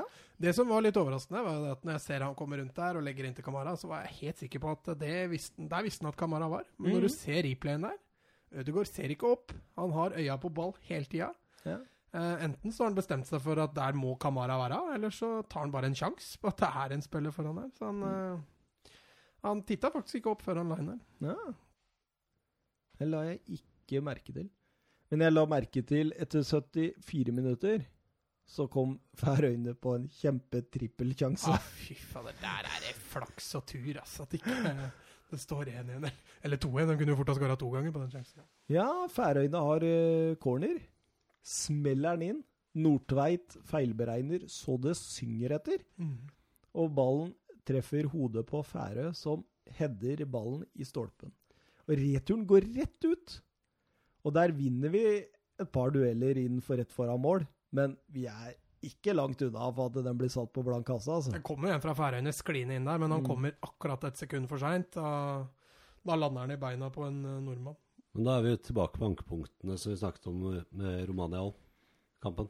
Ja, det, Eh, det cornere. Og sonespillet, eh, eller soneforsvaret på corneret, Mm. som jeg tror er eh, påtvunget pga. bøtteknotter igjen. Ja, Fordi at vi har ikke eh, de, Vi har ikke muligheten til å gå- gå mann mot mann, og da må noen inn og rydde, rydde opp der. Ja, nei, jeg er for så vidt enig, jeg. Men jeg syns jo det at når du har en gjeng med bøtteknotter, da, så burde du jo i hvert fall lære dem åssen man mannsmarkerer spillere. Ja. Altså Setter du bøtteknotter i soneforsvar, så gjør jo ikke det saken så veldig mye enklere. Å, voldsomme bøtteknotter her i dag, ja! Jeg forsto sammenligninga godt der, så Men eh, nei da. Men eh, det der soneforsvaret, det syns jeg ikke har fungert sånn veldig optimalt. Eh, Slapp inn mot Romania, burde ha sluppet inn mot Færøyene. Men er meningen der at han skal ha et rent soneforsvar, eller skal han kjøre noen på mann, og så ha noen spillere? Ja, Du så han hadde Som, eh, én mannsmarkering, og så lå resten i sone. Ja. Um, så han setter jo da de beste hodespillerne sine i sone, og så de svakeste følger man. Men det er jo ganske normalt, da. Jo da, jeg forstår. Når han først gjør det, så er det jo riktig gjort. Men uh... Der har man jo sett litt i forhold til eh, Lillestrøm. Har jo kjørt mye uh, markering på de, at de mindre spillerne markerer. Og så står Kippe og så har fri rolle for å kunne gå i sone. Ja da, jeg, jeg forstår når han først velger det sånn, men eh, eh, Minus også med sone er jo at det kommer jo da fire, fem, seks spillere i fart inn i 16-meteren, og så står det da fire, fem, seks spillere, og så skal heade den ballen ut stillestående. Og da har du egentlig tapt duellen, når det kommer en i fart der, og, og hvis han Mm. beregner det riktig, så, sånn som Færøy gjorde der, så en litt mer kraftfull heading, så hadde det vært mål. Ja, ja. Men uh, til tross for den trippelsjansen, så er det vel Norge som tar uh, ledelsen. 2-0 etter 82 minutter der, og Bjørn Mars Johnsen igjen. Ja, Mats ja. Granvolds favorittbøtteknott. Ja, uh, ja bøtteknott to der. Omar El Abdelawi treffer jo med et innlegg, endelig. Ja. Det var et bra innlegg. Tenk det! Eh, En norsk bekk treffer mitt innlegg. Det var første gang jeg så på de uh, 180 minuttene med landslagsfotball jeg Ja, altså han traff, altså En ting er at han traff bra, en annen ting var at Mars Johnsen fikk lov å stå helt umarkert uh, etter en smart bevegelse nok en gang, egentlig. Og klarer å sette den omtrent rett på keeper. Ja, altså se, jeg Husker vi snakka om det etter Liverpool-matchen. Hadde Ter Stegen redda den med beina, så hadde han antakeligvis redda den. Og det kan vi samme si om eh, Kommer for nære Ja. keeperne. Ja. Han bruker for lang tid for å gå rett ned der, så hadde han bare satt ut beinet, så hadde han jo redda den. Mm. Men for all del. Mars Ja. Johnsen, tomålsskårer. Jeg, jeg vil si at det er flaks at vi stikker av med alle tre poenga der. Ja, spisskompetanse og flaks. Ja. Og så har jo Mars Johnsen nå 15 landskamper og 6 mål, så han er vel et høyere snitt enn de fleste andre nordmenn. Men Erling, hva sier det når et norsk fotballandslag drar til Færøyene og vinner på flaks? Det er egentlig veldig trist. Eh, når vi ser hva Færøyene har gjort i det siste, så klarte de å få fem poeng i Nations League mot stormakter som Kosovo, Aserbajdsjan og Malta. Ja, det er ikke noe, det er ikke noe fotballstormakt, det færøyske laget. Jeg tror Så- Jeg veit ikke om Norge undervurderte litt, grann, og Færøyene hadde en veldig god dag på jobben. Jeg tror det er en blanding der. Og han Lagerbäck står etter kampen og skryter av taktikken til Færøyene. Det er liksom jeg, Ja, men Det var ikke etter matchen nå han sa det at jeg er ferdig etter EM. Ja, jeg tror han, Jeg kan, Kanskje ikke- han fikk seg et sånn ultimat sjokk. Ja, Men men jeg der... tror etter Romania-matchen så tror jeg han måtte gå litt i seg sjøl. Ja. Men der syns jeg da igjen så blir, er det en svakhet egentlig av Lagerbäck. Eh, fordi at de klarer å pakke inn eh, Ødegaard ganske godt. Og så har man ikke da en plan to på hvordan er det man skal spille. Mm, riktig. Og så blir det da lemping eh, på Mars Johnsen, som skal da heade deg ned til en som som kommer løpende. Og han er allerede holdt fast og pakka inn. Ja, for det, det er helt riktig det du sier der. Så lenge du tar Ødegaard ut av matchen, så står jo Norge igjen med ikke voldsomt mye. Ja, altså, det, altså, det, I den situasjonen som vi snakker om nå, så kan jeg være enig om at å legge om til en 4-2-3-1 med Mars Johnsen aleine på topp og Ødegaard bak der, eh, og så hatt Henriksen og Elionossi på hver sin kant, kunne jo vært en, en plan B. Oi, oi, oi, se, Mats er litt enig med oss! Jo, men der står jo Norge veldig fast. Mot Romania så står vi jo ikke fast. Nei, det, det er jeg enig i. Vi står ikke Eh. fast mot Romania. Der er vi bare feige.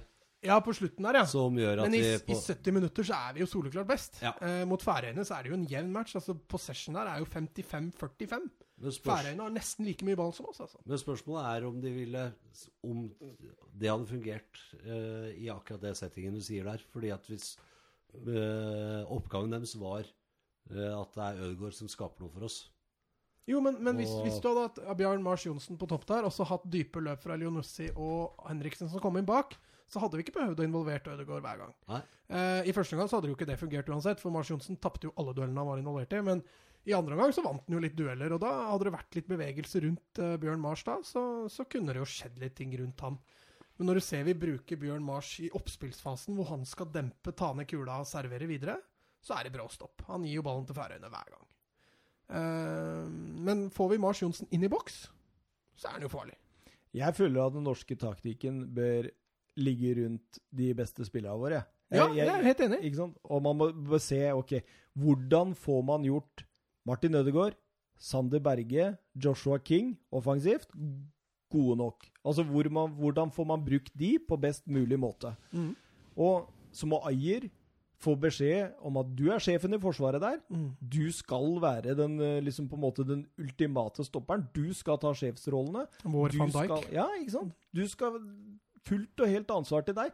Drit i om hun Nordtveit har spilt i Premier League og spilt eh, i Bundesliga i mange år. Drit i at eh, Omar Abdelawes flyr rundt der med kapteinsbindet. Du er sjefen. Mm. Deg stoler vi på i framtida. Ja. Og Begynn der, Mm. og så tar det videre.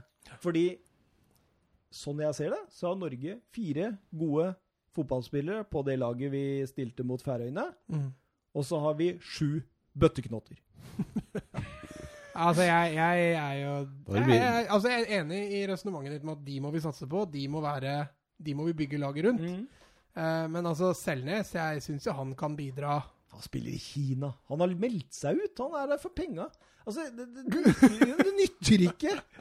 Det nytter ikke. Og så ser du også nyttigheten av Elionussi, f.eks. Jeg er enig i at Selnes har et potensial, men du kan ikke reise til Kina og så spiller du fast på det norske landslaget. Så det er bare tull. Tror du ikke det er høyere Kommer nivå i Kina Kommer døgnvilt til i hver eneste samling Ja, det med lomma full av cash. Men tror du ikke nivået i Kina er bedre enn i Eliteserien? Ah, er det det? Ja, det tror jeg. Marginalt. Ja, det tror jeg ikke. Jeg tror på de to-tre beste lagene, kanskje. Og så Det er vel en del restriksjoner på hva de har lov å hente. Og begrensninger på utlendinger. utlendinger. Og da er det typisk at de henter spisser.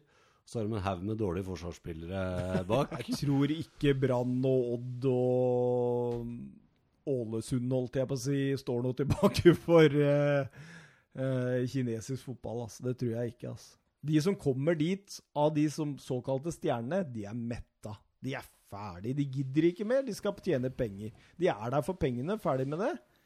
Og de har Altså, det sier litt om motivasjonen nå, da. Ikke sant? Jo, men tror du ikke Selnes er lysten på landslaget? Tror du ikke det motiverer? Da hadde han blitt i sannhet igjen, eller prøvd å spille seg inn til en bedre lag i Jo, men jeg, jeg, jeg, jeg er helt enig i at motivasjonen for å gå til Kina er nok det økonomiske. Men jeg tror ikke han tenkte at eh, hvis jeg går til Kina nå, så jeg, mister jeg landslagsplassen, liksom. Nei, men hadde jeg vært landslagssjef, så hadde han mista han tvert. For det hadde sagt noe om hans på en måte motivasjon som fotballspiller. Jeg hadde ikke Mm. nekta å ta med en som Altså dro til Kina eller Japan for å spille fotball. Ja, altså Han har jo dratt dit for pengene, det, det er vi enige Ja. om. Eh, men, men Det er er han, feil motivasjon når du skal komme på et landslag. altså, han er jo en av de beste sentrale midtbanespillere vi har. Ja, med motivasjon, ja. Ja, men det tror jeg han har for landslaget. Men jeg syns ikke i løpet av de to kampene der at han viste at han forsvarte den plassen Altså, der. Det er ikke de beste landskampene han har servert, det er jeg enig med deg i, men han, han holder jo ikke noe tilbake for de andre såkalte bøtteknottene, da, som vi prater om.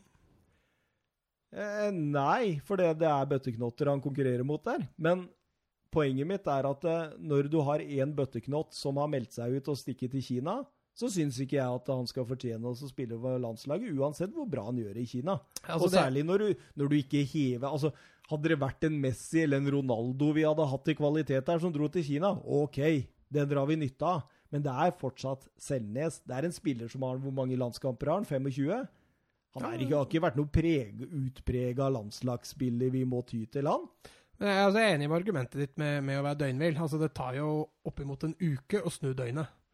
Eh, så at han i hvert fall mot, i første av de to landskampene er prega av å være døgnvill, det tror jeg kanskje han er. Men eh, nei, jeg ser helt klart nytten av å ha Selnes i hvert fall i troppen. Da. Jeg ser liksom ikke så veldig mange andre som er bedre enn han. Tom Lund. Nei, ikke veit jeg. Men var, vi, vi tar fantasy-poenga, vi, Mats. Mot Færøyene? Ja. Ja, ok. Har, du bare norske spillere der òg? Nei, altså i utgangspunktet så jeg har faktisk ikke det. Jeg klarte ikke å Det var, det var to færøyske spillere jeg bare måtte ha med. Mm. Så jeg har faktisk to færøyspillere. Ja, kult. Eh, tre stjerner til Hansson. Mm. Eh, jeg syns han er eh, Han er den eneste litt kreative spilleren Færøyene har. Mm. Eh, han var gøy å se på innimellom. Ja. Eh, måten han starter mye angrep. To poeng gir jeg til, eh, til Martin Ødegaard. Han er den eneste nordmannen som eh, evner å skape noe. Altså, jeg veit Bjørn Mars skårer eh, skårer to, men uh, jeg, evner, jeg, jeg ser ikke den gode kampen som mange andre har sett. Uh, og så gir jeg Og så sto det jo da mellom Færø og og egentlig Kristoffer Ayer om den siste, så jeg ga den til Færø, faktisk. Mm. Jeg har tre poeng til Martin Ødegaard. Ja. ja. Det er rett og slett fordi det er han som vil. Det er han som kan, og det er han som utfører det som er av eh, kreativitet på det norske landslaget. Eh, og jeg tror hver eneste gang, uansett hvordan Martin Ødegaard spiller, så vil han få tre stjerner av meg for det norske landslaget. Fordi eh, ja, det er beholdninga for meg når jeg ser norsk landslagsfotball offensivt, da, med tanke på eh, ved siden av King. Jeg syns han Sander Berge er ganske bra, men han er litt unna matchform, tror jeg. Ja, det er litt uferdig, jo. Ja. Eh, to stjerner gir jeg til Gilly Rolandsson.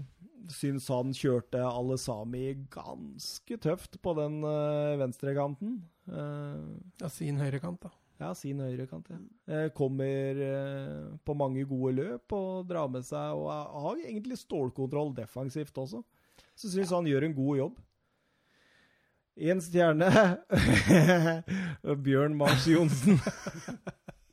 Men det handler jo om at nok en gang, jeg, jeg klarer ikke helt å se bort fra de som skårer eh, to mål og blir avgjørende. Akkurat som han Keseru på Romania nå sist. Altså, du er totalt Altså, du er toneangivende for resultatet. Mm. Da må du få i hvert fall litt cred. Og han sto nå der og hedda dem inn, og da skal han få én stjerne av meg, som ikke den første bøtteknotten i, på dette laget denne gangen, for det var alle sami for kamp nummer to for meg. Men vi har litt sånn venstreback-utfordring. Altså, jeg ja, men Meling er jo, god. Jo, jeg også mener at Meling er, er mye bedre enn alle sami. Men han er jo ikke Han må jo ta det siste steget, han òg, for at vi skal få en uh, internasjonal spiller på, på venstrebekken. Erling, skal vi kjøre Chelsea, eller? Ja. Det syns jeg vi skal. Åh, dette har jeg gleda meg til. Ja, du har vel forberedt òg, du? Eh, ja, jeg har forberedt noe. Jeg må, må jo gå gjennom stallen og sånn. Ja, gøy. Ja, gøy. Eh, det er jo mye spørsmålstegn ved Chelsea i år. Ja. Rett og slett på grunn av Sarri, blir han, drar han? Eh, det er litt om det med Kas, som skal eh, konkludere i en dom som kan gi en overgangsnekt. Men mhm. overgangsnekten er jo der inntil det. Jeg veit ikke når Kas drar den slutninga. Um, hvem bør ta over? For det ser jo ut som Sarri drar. Og det, det, det, det ligger mange spørsmål. Liksom. Hvor mye påvirker Hazard-salget? Går Pulisic rett inn i laget? Det er, det er, masse å ta tak i her. Så vi, mhm. jeg tenker vi begynner litt med den overgangsnekten, jeg. Ja. Eh, nå har de jo solgt Hazard. Det var 100 eh, millioner. Ja, det sies jo at det fort kan utvides til 130 òg. Oi. Er, uh, det er mye for en 28-åring. Ja. Definitivt. Eh, hvem skal ta over den rollen? For Hazard? Mm. Eh, altså Chelsea har ingen i sin stall per dags dato som kan ta over etter Hazard. Eh, så blir det jo igjen da, tilbake igjen til denne overgangsnekten. Hvis den, ved, hvis den blir stående, så, så, får de en utfordring. Det har vi jo snakka om før. Mm. Ja, det, hva tenker du, Erling? Jeg tenker at uh, Jeg tror de må tenke helt annerledes. Uh, det er umulig å erstatte uh, Hazard. Og derfor så må man må andre ta, altså, ta opp uh, den kampen. Uh, det kan være Hvis Sarri blir, så kan det være egentlig en uh, lykke i forkledning her. Fordi at Altså hvis Sarri blir? Ja, hvis Sarri ja. blir det. Mm. For da, nå så har han måttet kjøre veldig mye av spillet rundt Hazard. Det kan han slippe opp og kanskje kjøre enda mer likt det han, det han gjorde i eh, Napoli. Ja, for nå får han jo ikke bygd noe lag rundt Hazard lenger. Nei. Og nå, i sesongen nå så skulle alt innom Hazard. Mm. Og skulle man ta Chelsea, så var det så, Ta han ut av matchen, så Det var det mange som gjorde. Du tok Hazard ut av matchen. Og gjør du det, så må de begynne å tenke hvordan skal man spille utenom. Og det har de ikke gjort på ma mange år. Nei, de, nå har de jo ikke noe valg, da. Nå må de jo nå må de jo finne en annen måte å angripe på. Eh... En blessing in the skies der, altså, at uh, Hazard forsvinner. Ja. Oh, det var en vinkling jeg ikke har tenkt på. Du får De har allerede fått inn en uh, ganske god spiller i Pulisic, som kan gå inn Han har jo spilt både kant og i midten. Han kan gå inn og løse den i midten. og Han vil ikke være i nærheten av det Hazard var, men han tilbringer noe annet enn det som uh, er der i dag. Ja, det, det, er det jo ingen tvil om. Altså, de har jo fortsatt gode spillere, men uh, nå mista de den soleklare eneren sin. Altså. De gjorde det, og det, det jeg tenker jo det at eh, det jeg, jeg tenker det er eh, litt motsatt av Erling, da. Så tenker jeg jo det er en skandale for Chelsea å miste Hazard i et overgangsvindu der de ikke får kjøpt noe. Sånn som det står nå, da. Og ender opp med overgangsnekt, så, så er jeg enig med deg. Jeg tror det her blir eh, Det blir en eh, kamp om å klare Europaligaen. Ja, fordi altså, hvis du ser på vinger, kanter Chelsea kan mønstre nå før de eventuelt hadde fått kjøpt noen spillere, da. Mm. Så er det Callum Hudson Odoi. Han er skada, men høyre kant. -hmm. Pedro, høyre kant i utgangspunktet, best der. Ja. Ja. William, høyre kant. Pulisic, høyre kant. ja nå, snak, nå snakker du om spillere som er best på Ja, høykant. ja. Og Kennedy, som kommer fra et ekstremt mislykka opphold i Newcastle, er jo en venstrekant. Men når du ikke klarer å spille deg inn på Newcastle, så klarer du sannsynligvis ikke å prege et Chelsea-lag. Victor Moses også var vel leid ut. Han er vel tilbake igjen, eller? Ja, men han er også høyre Ja, han er Back, høyre, høyre wingback. wingback, ja. Eh, Så det jeg, jeg tror det kan bli en, eh, en skikkelig nøtt. Og det kan godt hende Chelsea må tenke litt annerledes. Ja, det må jo, jeg tror det må, de blitt tvunget til å gjøre det. Ja, kan vi se 4-3-3 ut av vinduet nå, og så over i, eh, i en eh, 3-5-2? Ja, det kan vi jo sikkert gjøre. Hvordan var det Sarri likte å spille i Napoli? Ja, Nei, det var jo eh, litt som det han gjør i ja det var jo det. Han Ja. spilte jo 4-3-3. Så hvis Sarri blir jeg, jeg tror han er veldig komfortabel med 4-3-3. Jeg tror det er den formasjonen han føler han selv kan Ja. best. Ja, men det tror jeg òg. Så, så hele poenget mitt med det jeg sier nå, da At jeg tror det kan heller bli en blessing in disguise om Sarri, Sarri går til Juventus. Mm. Og at de kan hente inn f.eks. en uh, Allegri som er god i 3-5-2. Mm. Fordi da har en plutselig venstresida dekka opp med en uh, Alonso som er ekstremt dårlig i en firer bak, Mm. men som er ekstremt god som en wingback. Men da mister du jo Altså, du har jo mye kanter i Chelsea nå, da. Eller høyrekanter. Eh, skal du spille 3-5-2, så må jo en av de ned i en slags wingback-rolle, da. Ja, du tenker på i Altså- forhold til Ja, så Hvis du spiller med en femmer på midten, da, Ja? så må jo de, en av de ned i den rollen, på høyrekanten. Mm. Du kan jo selvfølgelig bruke La Kuwaita der, da, men da blir du sittende med William, Pedro, Pulisic, alle de på benken. da. Ja, men du kjører ikke sant, Det som du kan kjøre, da Du kjører jo så, eh, det, Jeg har forstått at Zuma kommer til å bli satsa på i år. Ja, Så kjører du Zuma, Rudiger og Louis bak. ja Så har du Christensen i bakhånd. Så har du Christensen i bakhånd. Mhm. Så kan du kjøre Aspilicuelta på den ene høyre vingbekken. Han har mer enn gode nok innlegg og sånt til å kjøre den Ja, siden han er bra faktisk, han. Og så Alonso på venstre. Mhm. Og da kan du kjøre Canté, Jorginho og eh, for eksempel eh, Loftus Cheek. For eksempel. han er jo skada nå. Ja. Det blir jo ja, Kovacic. Åssen er det med låneavtalen hans? Har du noe Nei, det, det, det sies at de har lyst på, på grunn av at han allerede er registrert. Ja. Så de har lyst, men Real Madrid vil selge. ja. Og Chelsea vil låne. Chelsea får ikke kjøpe. Nei, så det er liksom det det går litt i, da. Så den kan jo bli stansa i og med at Real Madrid kjøper spillere ut av en annen verden nå, Mm. som gjør det at eh, den avtalen kan strande litt, fordi de Men hvis det kommer noe kan ikke bedre låne noe. Ja, altså Hvis det kommer noen og byr på Kovacic, så Så vil de ta de penga og si Ja. sayonara Chelsea. Så det er litt av problemet deres der. Um, men uh, Så det kan godt hende at uh, f.eks. en Allegri, som har spilt mye 3-5-2 med Juventus, kan være den perfekte erstatter. Men jeg veit du uh, har en annen favoritt. Ja, jeg lanserte jo Frank Lampard egentlig for uh, forrige uke. Ja, du gjorde det. Eh, altså mest fordi uh, han er jo litt Mr. Chelsea. Han uh, Jeg tror han kan komme inn med en litt ny giv, og det faktum at du får inn en ny trener når Hazard har dratt, for du blir jo tvunget til å legge om mye av spillestilen din. Mm. Um, om det blir Allegri eller Lampard, så tror jeg i hvert fall enig med deg med at, at Sarri forsvinner. Det tror jeg kan være, kan være fornuftig for Chelsea. Men så blir det litt sånn som vi snakka om, at de blir nok sittende litt på gjerdet. De har nok ikke lyst til å sine opp. Da hadde de nok allerede gjort det. Nei, de sier jo at Juventus er interessert, så her kan vi dra noe cash, ikke sant? Ja, ja, absolutt. Men uh, jeg tenker jo det at når du lanserte Lampard, Mm.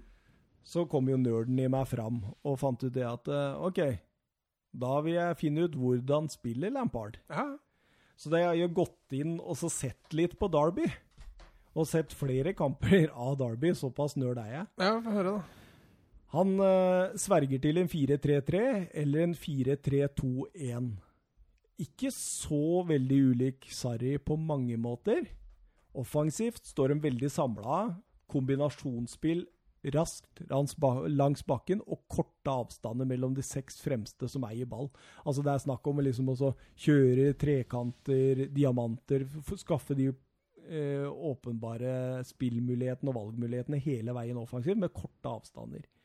Ikke så likt Urix Arena, i hvert fall. Nei, nei, nei. Angrep bygges ofte opp eh, fra stopperne. Eh, De står alltid veldig nær hverandre. Veldig uvanlig at de er så nære i oppspillfasen. Mm. Finner ofte en høyere, høyere plassert back eller inn sentralt på et oppspillspunkt, hvor oppspillspunktet eventuelt da kjører videre til bekken.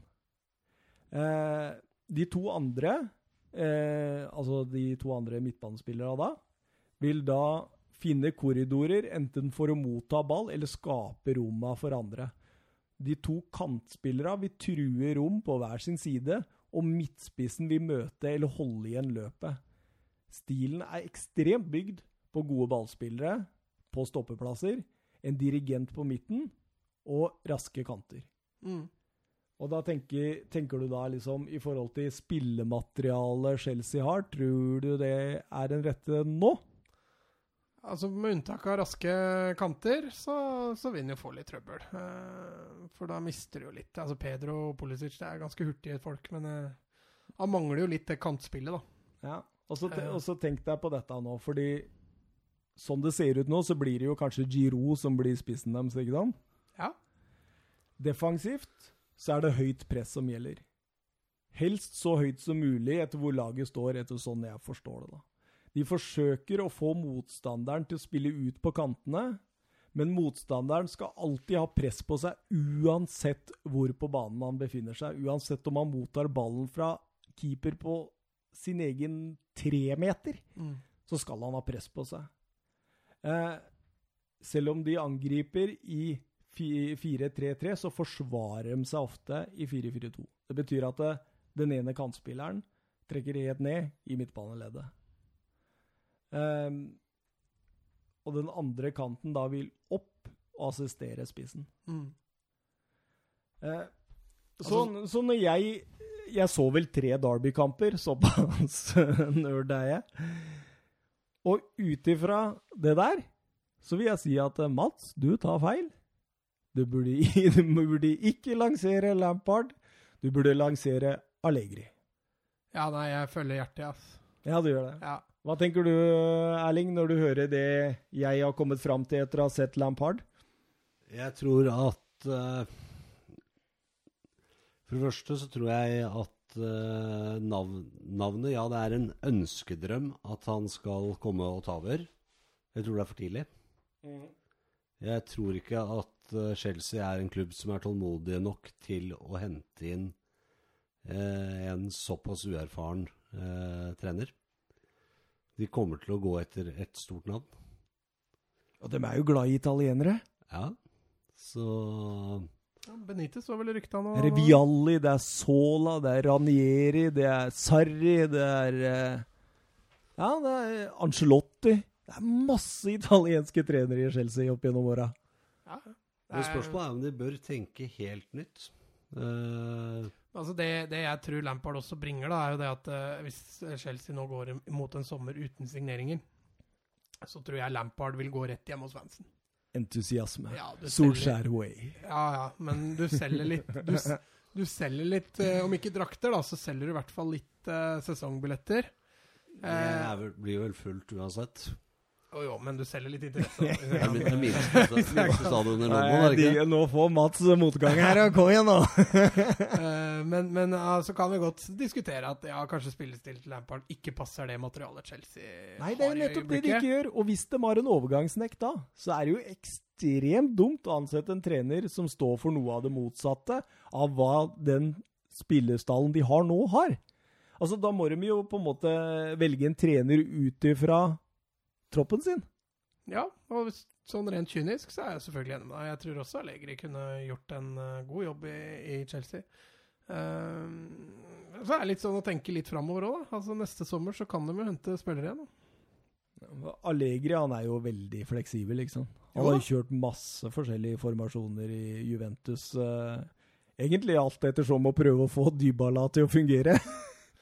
Ja, sammen med Ronaldo siste året. Ja. nei, jeg er for så vidt, eh, for så vidt enig. Allegri kunne jo gjort en god jobb i, i Chelsea, han. Og så er han jo også flink til å få mye ut av lite, eh, Mhm. Allegri. Så jeg, jeg er ikke sånn at jeg er imot Allegri, på ingen måte.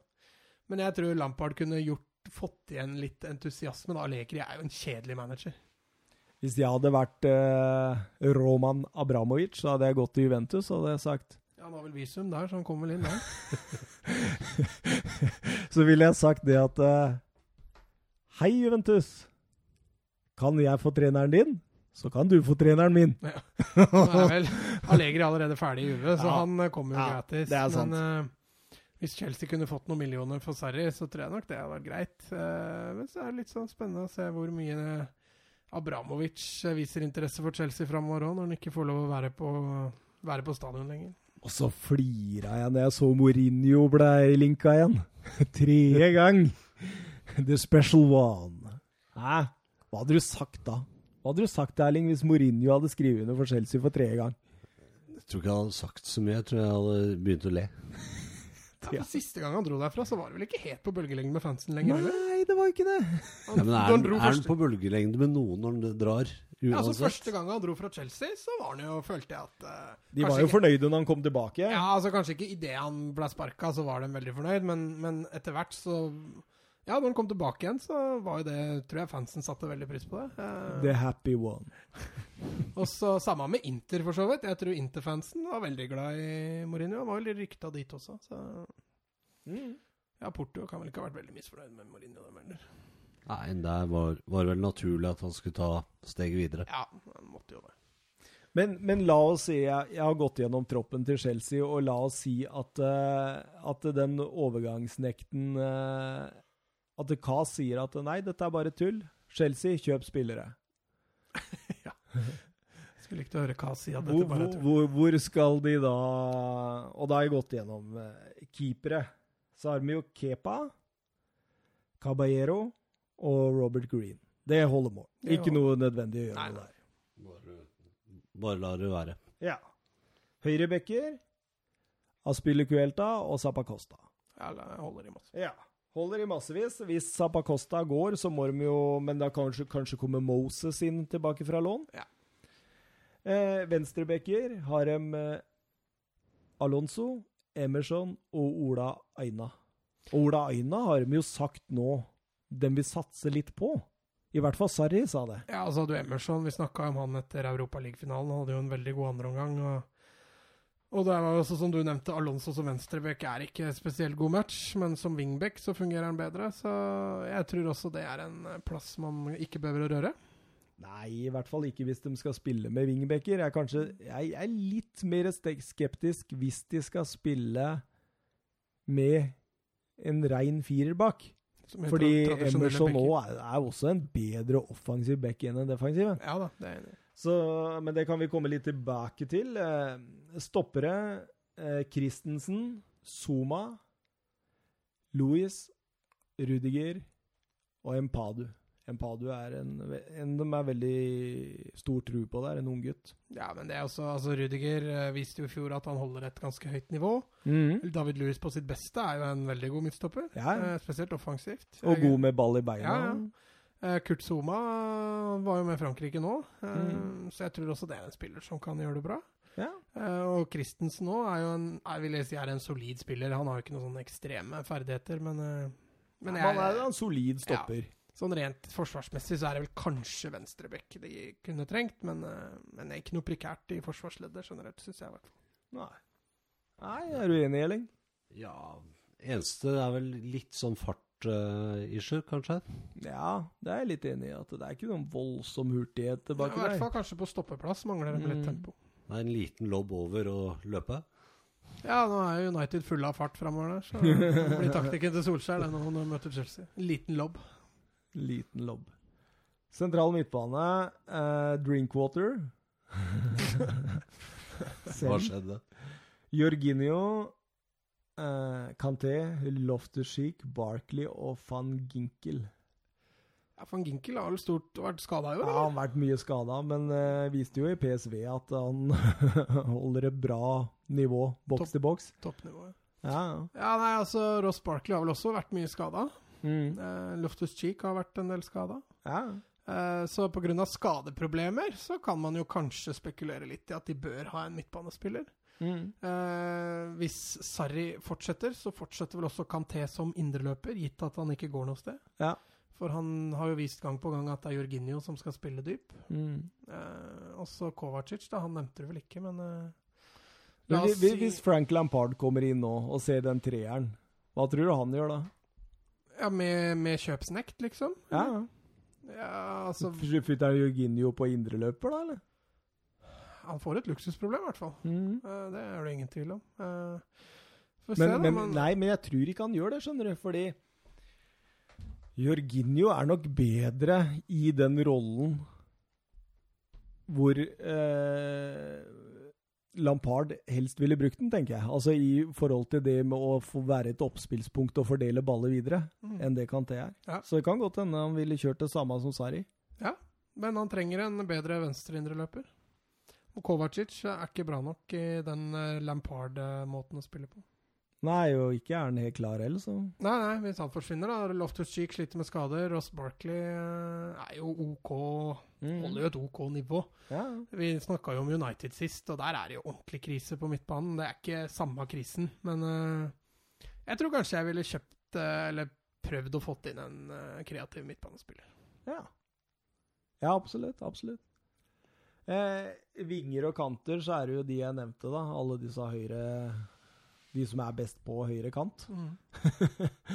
eh, Odoi, Pedro, William, Pulisic. Eh, Kennedy kommer tilbake fra lån som en venstrekant, men han har jo vist i Newcastle at han eh, Det er ikke ikke noe mål. å holde mål på, nei. Eh, angrep. Giroud og Tammy Abraham. Tammy Abraham er forresten utpekt av Sarri som en han virkelig vil satse på. Eh, 26 mål for Villa denne sesongen. Ja, Og eh, Higuain går vel tilbake igjen til Juventus. Så Ja. De trenger jo en spiss bak Giroud. Wolverhampton, Everton og Leipzig har allerede vært ute etter Tammy Abraham, men Chelsea har sagt det. Vi selger ikke. Han skal vi satse på. Så det blir spennende å se neste år. Det kan bli en liten joker. Eh, så laget med overgangsnekt, så er, blir det Kepa, Aspilicuelta, Rudiger, Zuma, Luis eh, Aina. Kanté, Jorginho, Ruben Loftus-Cheek. Pulisic, Abraham eller Giro eller Pedro og Alonso har jeg skrevet på venstresida. For hvis de kjører en 4-3-3, så tenker jeg det at det har vært gøy å se Alonso få den. Ja, men Hodson, Hudson Odoya, når han blir skadefri Ja, så kommer jo han eventuelt inn for Pulisic der, ja. Mm. Men da foretrekker du Pulisic på høyrekant. Jeg kan ikke se han som noe annet, jeg, egentlig. Men Du så jo siste kampene med Dortmund. Da fikk han prøve seg på venstre. Ja, ja kanskje, kanskje det var Chelsea som spurte Dortmund om kan dere prøve litt, eller? Tror du det er sånn, Erling? Nå datt jeg litt ut her. Var det Ja, klokka er eh, kvart på to, så det er helt greit. Vi brukte jo to timer på denne introen vår, Ja, så det er klart. Men eh, jeg, jeg tenker, siden du datt ut, jeg skal ikke sitte og forklare alt dette her. Eh, så kommer jeg liksom på hva er de trenger å kjøpe da, hvis denne overgangsnekten eh, blir avblåst. blir avblåst. Og da har jeg dratt noen eh, forslag her. Eh, Venstrebekk, eh, så ville jeg kjørt Har jeg noen gode alternativer til dem, altså? Ja, du får høre, da. Golam fra Napoli. Lucas Dign fra Everton. har vært veldig bra i år. Eh, Marcel eh, Halstenberger fra Leipzig. Mm. Ja, vi skryter av en del. Ja, eh, han spilte for. Tyskland i Ja, stemmer, stemmer. Og så Alex Telles fra Porto. Hvorfor er det ingen som har henta han før? Jeg vet ikke. Han eh, har jeg ikke tenkt på heller, faktisk. Det har vært ekstremt bra de siste sesongene for eh, Porto. Har debutert på det brasilianske landslaget. Mm, stemmer. Ja, så det, det, er fire gode venstrebekker som kunne Styrka. Ja. Så jo, altså er venstresida generelt i bør styrke, egentlig, da. Ja, så skriver vi en kreativ midtbane, da. Og da var Bruno Fernandes fra Port Sporting. Ja, han er ganske heftig. Han er linka Eller Sporting, er ikke Benfica? Ben, Nei, oi, nå. Nei, det er mulig jeg surrer. Eh, det er i hvert fall Fabian Ruiz. eh, har jeg hatt litt eh, lyst til å se til Chelsea. Napoli-generalen. Giovanni Lo Celso kan være en eh, alternativ. Men når du sier Fabian, er ikke Mm. han sentral midtbanespiller? Ja. Jo, ok, så det er ikke venstrekant vi snakker om nå? Nei, da faller dere ut hele gjengen nå, eller? Jeg, jeg, det var jeg som foreslo Nå er det på tide å våkne, gutta! Nå er det på tide å våkne. Nei, nå, jeg var jo på eh, Den ene indreløperen vi trengte. Ja, en Ja. kreativ midtbane har jeg skrevet, da. Som, Mm. altså, Fabian har Eh. jo vært veldig bra i år. ja, og så en Dombele har jeg skrevet. Kan jo være et alternativ. Mm. Og Fikir. Ja, Fikir er jo en spiller som fort kan Mm. finne på å gå òg. så- Ja. Ja, var en Dombele òg, tror jeg, men uh, han var hefta i linka til Tottenham nå. Mm. Så Det sto til og med at det var close, sto det. Mhm. Så det, det er artig. Spennende. Eh, og så har jeg satt opp en venstrekant, og her er sånn Dette blir jo litt sånn arven etter Hazard, da. Mm. Og der har jeg skrevet Thomas LeMar. Ja, han har ikke lyktes i Atletico, Nei, men nå nettopp. mister de vel Griezmann, så han- de kan vel ikke selge han før de har fått noe erstatter for Grismann, i hvert fall. Så var han veldig god for Frankrike nå i Ja, han var bra i Monaco òg. Det er bare Sliter litt med å til Atletico. Så det kunne jo vært en mulighet. Det hadde gått an å kjøpe den ut, det er jeg ganske sikker på. Ja, så er jo Coutinho et alternativ òg. Ja, ja, Cotinio, Coutinho, Gedes Ja. Han er ikke noe typisk Hazard-type, da. Nei, så Siertz fra Ajax burde jo vært en Ja. kar. Er ikke Siertz også best på høyre? Jo, han er vel kanskje det. Der er vi enige om at de har nok. Ja, men han, eh, han kan trekke ut venstre òg. Ja da. Neres er vel også linka Ja, han også er jo jo egentlig en mulighet, ja. Neres kunne jo vært grei der. Og så Alexis Sanchez. Hæ? Hva sier du til den, Erling? Vil tilbake til London. Ja, får seks millioner å handle for i London, så Men Coutinho er vel kanskje det klareste valget i så fall. Ja, hvis det ikke blir noe overgangsnekt. Jeg leste jo også det at Chelsea var han de sikla litt etter. De har jo fått 100 millioner nå for Hazard, så de har jo litt å handle for. Ja. Men hva tenker du Nei, jeg, Tenker tror det blir, jeg tror det blir overgangsnekt. Jeg, så jeg tror, det Ja. Spørsmålet er bare når den endelige dommen settes. Eh, Fram til den settes, så har vel Chelsea lov å handle, har de ikke det? Eller Nei. er det Nei, de har ikke det. Nei, Det er har ikke ikke det, vet. Ikke lov å registrere nye spillere eller Nei, noen ting. nei, nei, men da er det jo greit. Nei, jeg tror den blir stående. Jeg tror Chelsea må gå Er det én eller to overgangsvinduer? Det er vel eh, denne og neste Sommeren? Nei, neste Vinter, vinter, ja. Ja, så er det jo ikke noen nye Chelsea-spillere inn, men de hadde jo hva, hva mye var de hadde? 43 spillere på utlån. Så Ja. de har jo litt rann å kunne hente Det er noen som kommer inn, da, sånn Tammy Abraham og sånne ting. Som Ja, kan, Kurt Zuma er tilbake Ja. igjen. Uh, Olaina, som vi snakka om. ja. Victor Men, eh, Moses. Det blir spennende. Jeg ville jo handla en ny spiss òg, jeg, da, hvis de hadde Ja, det er jeg helt enig i. Eh, Det tenkte jeg ikke på, faktisk. Giroud Jeg har gitt mye skryt for det han har gjort i Europa League i år, men jeg Nei, det fins en del bedre spisser enn han der ute, syns jeg. Så hvis du skal kjøre Frank Lampard i hvert fall, med Ja, er hardt press, så Det er Det altfor er, mye det er vel ingen av spissene i Chelsea som uh, trives godt. Det er vel bare han igjen, da. Eller Abraham, da. Abraham, ja. Han er ganske arbeidsom, han er liksom litt sånn Han er litt uferdig igjen, da. Mm. For å kunne liksom ta en plass i Chelsea.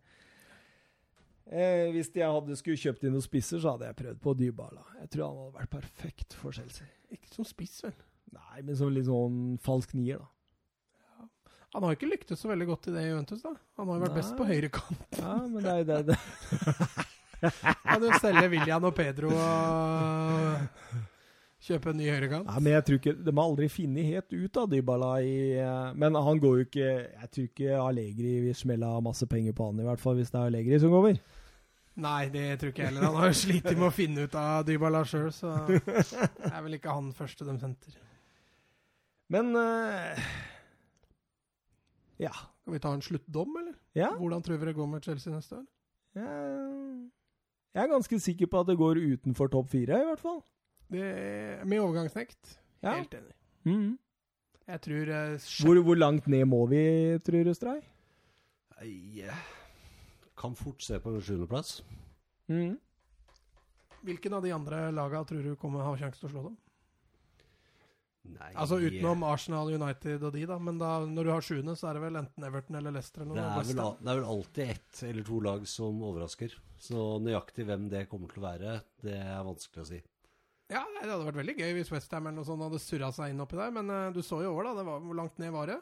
Til fra United og ned? Det er ganske langt ned, men hvis den overgangsnekten kommer og uten Hazard Jeg lurer på hvor mange poeng Hazard egentlig var for Chelsea i år. Det er ganske mange, tror jeg. Ja, og så, ja, så har du det med entusiasme og Det er litt sånn altså når Hazard er på banen, så gjør de andre gutta litt ekstra også. Mm. Du tar de og du håper du kan få ball, og så etc., etc. Men eh, Nei, det er nok en del poeng de solgte med Hazard. Altså. Ja, ja absolutt. Jeg, jeg, jeg er litt enig med Erling. Altså, jeg, jeg ser at eh, City, Liverpool, Tottenham, eh, United og Arsenal er nok ganske sikkert over med en overgangsnekt. Ja. Og så tror jeg kanskje én, maks to kommer over. Så jeg Sjuende- og åttendeplass kan vi fort regne med, altså.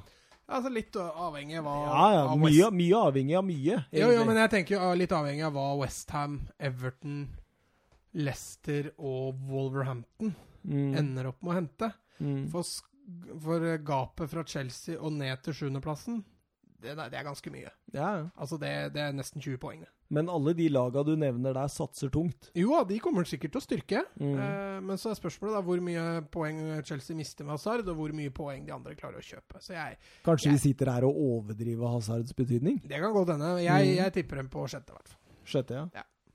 Ja, jeg er litt som Erling. Sjuende, tror jeg. Jeg tror Lester Leicester under Rogers Ja, nei, det er spennende. Vi får se da hva Madison ender opp med å gå, men eh, Eller uh, Tielemanns. Ja, eller Wolverhampton driver jo fortsatt på De ligger i kulissene der og skal handle spillere, så. Ja da.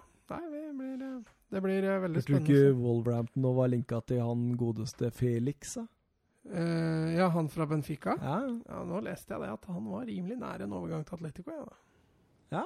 Men det, det kan egentlig passe, da. Ja, altså, jeg så det var Nå husker jeg ikke hvem det var. Det var i AS eller Marka som var ute. Det var en litt sånn kjent personlighet som sa det at uh, en spiller som han bør ikke gå til Atletico Madrid, for der de kreative spillere i Atletico de holdes litt igjen.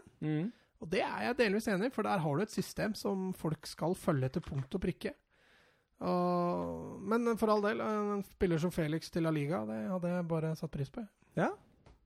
Du Så- som er ekstra glad i La Liga. Det hadde vært gøy, det. Ja.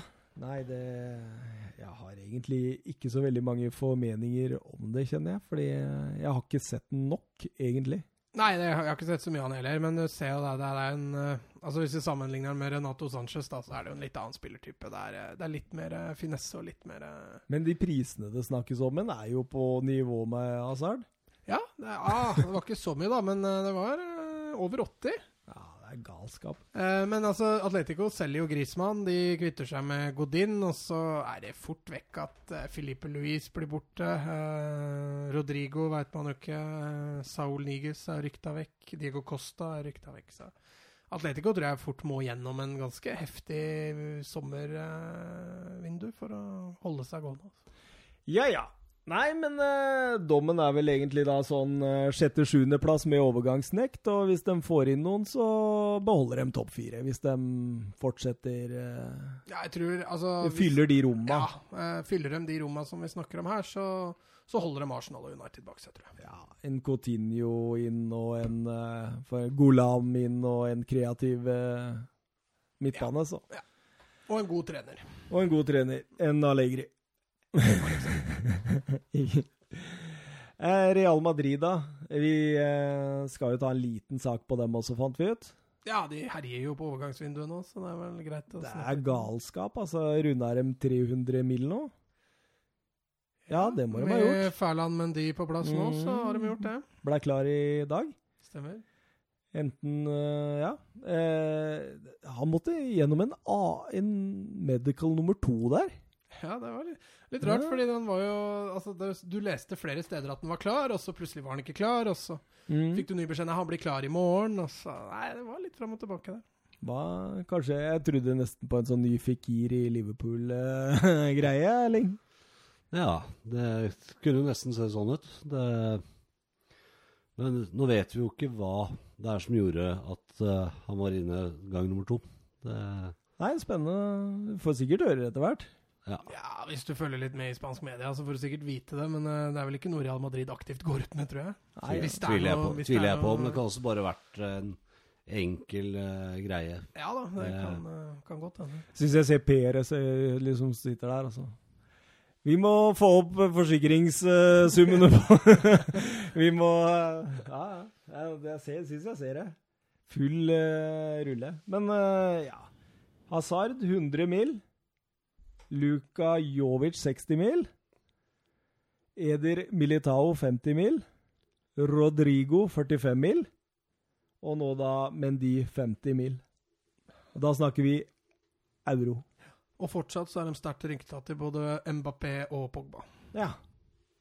Det er voldsomme greier. Ja, det Altså, nå tviler jeg på de får til begge to. Eh, det må jo inn noe financial fair play der, eh, som de må ta hensyn til. Men eh, Så må de selge noe inn. de må begynne å selge snart. Ja. Eh, de, de sitter jo på dyre spillere også, som de kan selge. Så det blir ufattelig spennende å se hvem du kan få hente fra Real Madrid. Og noen tror jeg kanskje du kan få på ganske billigsalg òg. Ja, jeg tror det. Men først og fremst nå så tror jeg de er ute etter å knøle ut prisene på spillerne sine. Det er derfor ikke liksom sånn som Kovacic er eh, gått til Chelsea allerede og sånne ting på lån. Nå skal de prøve også virkelig sånn Gareth Bale, eksempel. De håper Manchester United skal komme med sjekkheftet sitt. Ja, ja, ja. Ja, ja, garantert, vet du. De har jo altså Isco, eh, Marco Ascencio, eh, Marcelo, eh, Varan Altså de har jo også ikke minst en keeper, må de jo kanskje selge. Så eh, de sitter på en del verdier som de kommer til å selge. Så er spørsmålet hvor mye de får for disse spillerne, og hvem de har lyst til å selge. Det blir spennende å se altså, hva, hva de gjør her nå, fordi det er jo en del klassespillere der som muligens blir solgt, da. Ja, altså Hvis vi begynner bakerst, da. Jeg vet ikke om du har stallen til Real Madrid du skal lese opp der, ja, men eh, eh, jo, jeg har eh, skrevet inn navnet her, da. du har skrevet den. Ja. Men jeg ser keeperplassen, det liksom Altså, jeg, jeg- kjenner jo ikke til Luca, som er tredjekeeperen der, sånn i utgangspunktet. Det er jo, se, han, har spilt i Real Madrid hele livet sitt, og Castilla. Ja, Ser du hva han heter til etternavn, eller? Uh, nei, det sto bare Luca på hjemmesidene til Real Madrid. Ja, Han heter Zidane da, til etternavn, så da skjønner du vel kanskje. Er det sønnen? Ja, sønnen, Tror du han får en andre keeperplassrolle, eller? Ja, det kan godt hende. Det var et par måneder siden så leste jeg ryktet at han ville vekk. da. Men eh, hvis, altså, jeg tror jo da at de selger enten Keylor Navas eller Er sønnen til Zidane keeper? Ja. Mellomste sønnen. Jeg treng- trengte jo noen til å skyte på for å bli god. Eldste, sønnen Enzo er jo utespiller, så han sto jo sikkert og skøyt på lillebror. så han ble lillebror keeper. Det der, der er det villeste jeg har hørt, faktisk. Er det derfor de bare skriver Luca, for at han ikke skal få en sånn Ja, det jeg kan det. kan godt hende. Men Courtois duger jo i mål, og det er, det er jo ikke nødvendig å gjøre noe der, tenker jeg, annet enn å eventuelt hente inn andre keeper hvis denne Luca ikke er god nok. Da, fordi Kayler Navas går vel muligens til PSG, etter hva jeg har forstått? Ja, altså de selger nok Navas. Eh, og så får vi se om Luca blir reservekeeper, da, eller om de må fram og hente en reservekeeper. Det tror jeg de vil helst unngå. Det tror jeg òg. Eh, Høyrebekk-plassen er det Carvahall og Orizod- Ori- Oridusozo Åssen sier man det? Odriozola. Odriozola. Ordriozola. Eh, Jeg følger med på Premier League mest, jeg vet, så jeg har ikke alle disse spanske Men eh, ja, eh, det bør holde. Eh, Det holder. Ja. Carvahall er en eh, ganske klassebekk. Og så nå når de har fått inn Mendy på venstrebekken, så selger de nok eh, Marcelo, da. For han er jo ikke interessert i å spille annen fiolin. Nei. Jeg tror Marcelo forsvinner. Det er så Juventus, eller? Ja, jeg skal ikke se bort ifra det. Eller kanskje PSG. Ja. Og han eh, Region, han er vel grei for um, backup? Ja, jeg syns Regilon at en eh, egentlig en ganske god sesong. Starta jo på Castilla, og når Solari kom inn, så fikk han plutselig mange sjanser på førstelaget. Og jeg syns egentlig han gjorde en grei jobb. Så mm. at han er en habil eh, erstatter på venstrebekken eh, Jeg ser ikke noen grunn til at de skal gjøre noe mer der nå, i hvert fall. Nei, nei. Eh, Stoppeplassen har de jo henta en ny eh, gal Brasili Er det han må være brasilianer? Militao, ja. Ja. Ja, jeg debuterte på Brasil, han. Mm. Militao, Ramos, Varan, Nacho og Vallejo. Ja, der selger de vel kanskje Vallejo eller Nacho. Eh, både Varan og ikke minst Ramos har jo fått beskjed om at eh, du blir. Ja, Eh, men det er litt spesielt, for dem kunne dra, dratt mye penger ut av Varan. Ja, det kunne de jo nå med Militao på plass, som har vist seg å være ganske habil. I hvert fall offensivt. Han er jo en offensiv stopper. Eller høyrebekk. Han har spilt Ja. en del høyrebekk òg. så ser jeg på stoppeplassen akkurat nå i hvert fall som veldig komplett. Og de kan jo kvitte seg med enten Vallejo eller eh, Nacho. Men der får de ikke mye penger. Nei, der blir det litt begrensa med hva de får igjen. Så er det sentralt, da.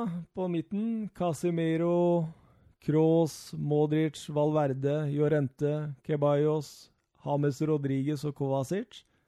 Hvor er det de får penger derfra, tror du? Hames Rodriguez forsvinner nok. Mm. Eh, spørsmålet er hvor. Eh, så må de nok, altså hvis de skal ha Pogba på plass, så må de jo kvitte seg med et par. Jorente og Valverde har jo fått litt eller vært spesielt Valverde har jo fått litt tillit under Zidane, eh, men det er litt mer for å teste, tror jeg. Modric og Kroos har jo vist at de holder toppnivå, selv om Modric har hatt en svak sesong i år. Hva er den lyden der? Regner det så voldsomt, bøtter, eller? bøtter ned ute. Oh, det er helt vilt. Altså. Jeg begynte å lure hvem er det som driver og trommer på bordet her og sånn, tenkte jeg. Naboen sitter utafor klokka to og spiller eh, trommer. Er ikke klokka mer enn to på natta? Nei, hvor lenge har vi holdt på?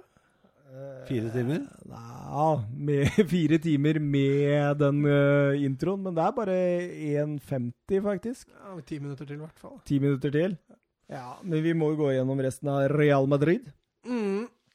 Eh, men alle trodde jo egentlig det var Varan som gikk. Så det Vi var på midtbanen nå. Nei, vi var på midtbanen. Ja, men det var poenget mitt. Er at, eh, hvor skal de hente penga fra her nå? Jo, altså, hvis vi går gjennom midtbanen, da. eh, Modric, Kroos altså Hvis vi starter som indreløpere, da. Så har du Modric, Kroos, Isco, eh, Ceballos og Valverde. Og så har du da Jorente og Casemiro sentralt. Jorente eh, er jo ikke vist seg å være god nok. Valverde tror jeg de har litt tro på at kan få det til. Eh, Det samme gjelder jo for så vidt Ceballos. Så det er klart, hvis de må selge noen på midten så, og få litt penger, så blir det jo Isco, Modric eller Kroos Mm. som må gå. De andre tre, tror jeg eller fire, dem får de ikke noe særlig cash for. Men de andre fire er også heller ikke Det er jo framtid. Det er jo ikke spillere som kommer til å levere på toppnivå med en gang. Nei, men det, jeg, jeg tenker jo det må ha inn en indreløper der. Sånn. Ja, som kan komme inn med litt friskt blod. Det er jeg for så vidt helt enig i. Isco har sett ganske metta ut. Eh, Modric har sett veldig metta ut i år. Han har ikke mm. vært i nærheten av å fortjene den Ballon d'Or-prisen han fikk. Han Eh, sa takk for dem og ha det bra. Ja, han la, han la egentlig Ja. opp mentalt, da. Ja. Eh, og Kroos er veldig opp og ned.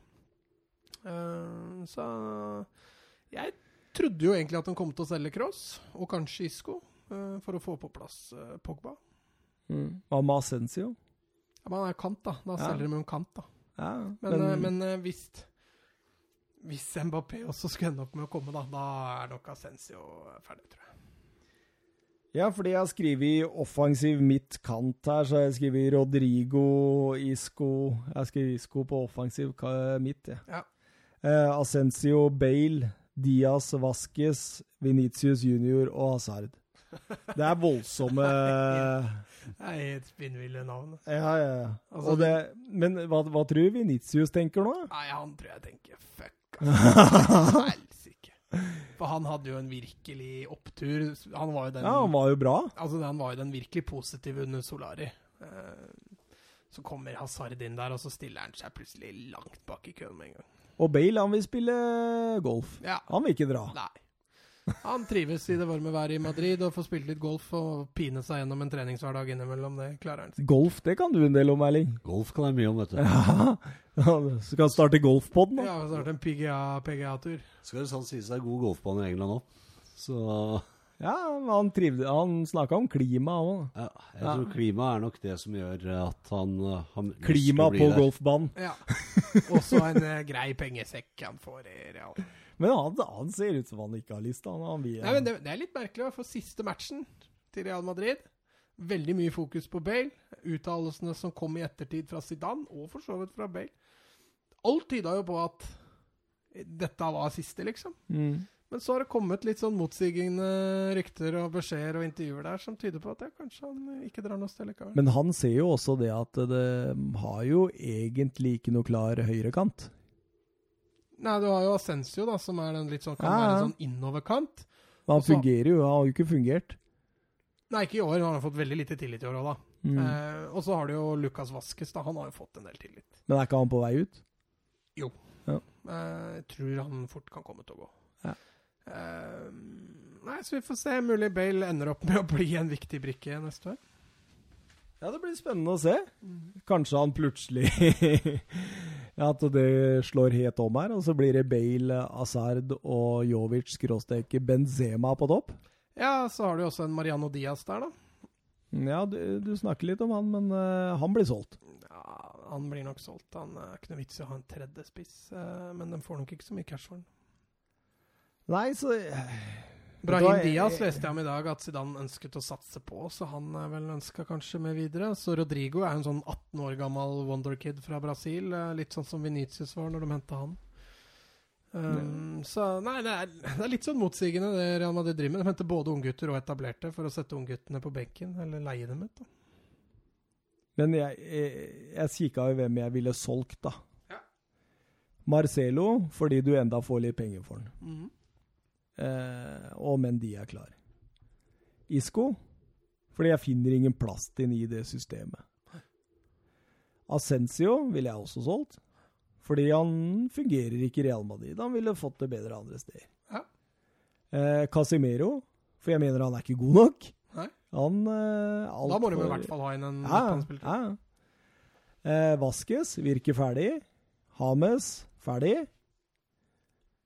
Bale vi spiller golf. Ferdig. Burde egentlig selges. Eh, spørsmål om det får til. Og Kovacic ville solgt den til Chelsea så godt eh, Altså, godt forhandlingskort å si dere har en overgangsnekt. Vi har en spiller som fungerte sånn tålelig bra. Eh, skal vi bli enige, bare? Bare bli enige om at uh, dere har registrert noe sånt, så låneavtale med opsjon på kjøp når dere får lov å kjøpe. Mm. Men får de lov å videreføre det lånet? Ja, det får de lov for, for han var registrert når dette skjedde. Men da må det jo ligge en slags garanti der da, for at Real får penga sine. Ikke sant? eh, ikke sant? Men det går an å få ned på kontrakt. Ja, og den eneste du Altså, da ikke har Overgangsnekten handler jo om at de har ikke lov å registrere nye spillere. Det vil si det at de kan kjøpe nye spillere, Mm. men han får ikke spille fotball sånn før altså, den er over. Arda Men de kan hente og- tilbake spillere som er på lån. Ja, ja. ja. Det er Chelsea-spillere. Ja. Så Morata, jeg veit ikke Det var så et sånt eh, lyttespørsmål der om Morata, om han kunne hentes tilbake. Veit du noe om det, eller? Altså, låneavtalen gjelder jo neste sesong òg. Ja. Men kan det ligge en klausul der? Det kan det jo selvfølgelig gjøre, men jeg har ikke lest noen ting om at det er en eh, mulighet Chelsea har, så jeg tror ikke de henter han tilbake. Så du Ramos ga straffesparket til Morata her? Mm. Ja, der var Ramos captain, vet du. Så mange mål har han skåra? Åtte på de sju siste Nei, sju mål på de åtte siste Ja, det er galskap, jo. Og så var ikke så jævla mange straffer heller. Så han er eh, produktiv, den stopperen der. altså. Men så skriver jeg her Jeg ville kjøpt nå, da. Men du glemte Mariano Diaz, da. Ja, selv. Helt riktig. Det Eh, eneste jeg er uenig med deg, det er én spiller der, Ascencio. Jeg tror ikke Real Madrid har lyst til å selge. Nei, men altså Altså, altså hvis Mbappé Vi snakker om en av de største talentene i verden her. Ja, Fantastisk råtalent. Og så nå sitter han der da, og ser alle disse kantspillerne. Venitius, Rodrigo kan gå inn i en sånn rolle. Du har eh, sant, Hazard blitt kjøpt inn. Altså, jeg, Ja, Diaz har de sagt om seg. jeg, vil- jeg ville blitt helt utmatta, hadde jeg vært han. Helt utmatta! Det blir litt spennende å se hvordan han kjører. da. Jeg tror Zidane fortsetter med 4-3-3, jeg, men ehm, Ja, det tror jeg òg. Han er ikke noe typisk indreløper heller. Så det er jo en høyrekant han kan satse litt på, da. Ja. Men jeg ville heller, hvis jeg hadde vært Perez, så hadde jeg gått for en indreløper, en sittende og en høyrekant. Ja. Og da har jeg noen forslag, skjønner du. Ja. venstre, venstre Nei, venstre back. Det var hvis Mendy strøyk medical, det. Da, da ville jeg hatt inn Andy Robertson fra Liverpool. Smelta 800 millioner på han. Boom! Eh, sentral midt, eh, Ndombele. Jeg skriver også det. Ah. Er med på alle, ja, han alle er drømmekjøp. Han er fantastisk. Han er rett og slett Ja, fantastisk. Eh, Indreløper så har det vært snakk om Pogba og Eriksen, og det høres jo egentlig ganske sånn det ser, Jeg tror det er ganske sånn OK for Real Madrid å hente sånn, en sånn type spiller. Ja. Uansett hvem av dem, så tror jeg det vil lykkes, det kjøpet. Ja. Og høyrekant ville jeg tatt og sagt til eh, Borussia Dortmund. Og hva ville jeg sagt der, Mats? Bring me Jaden. Bring me Jaden for uh, 150 million Pesos. euros.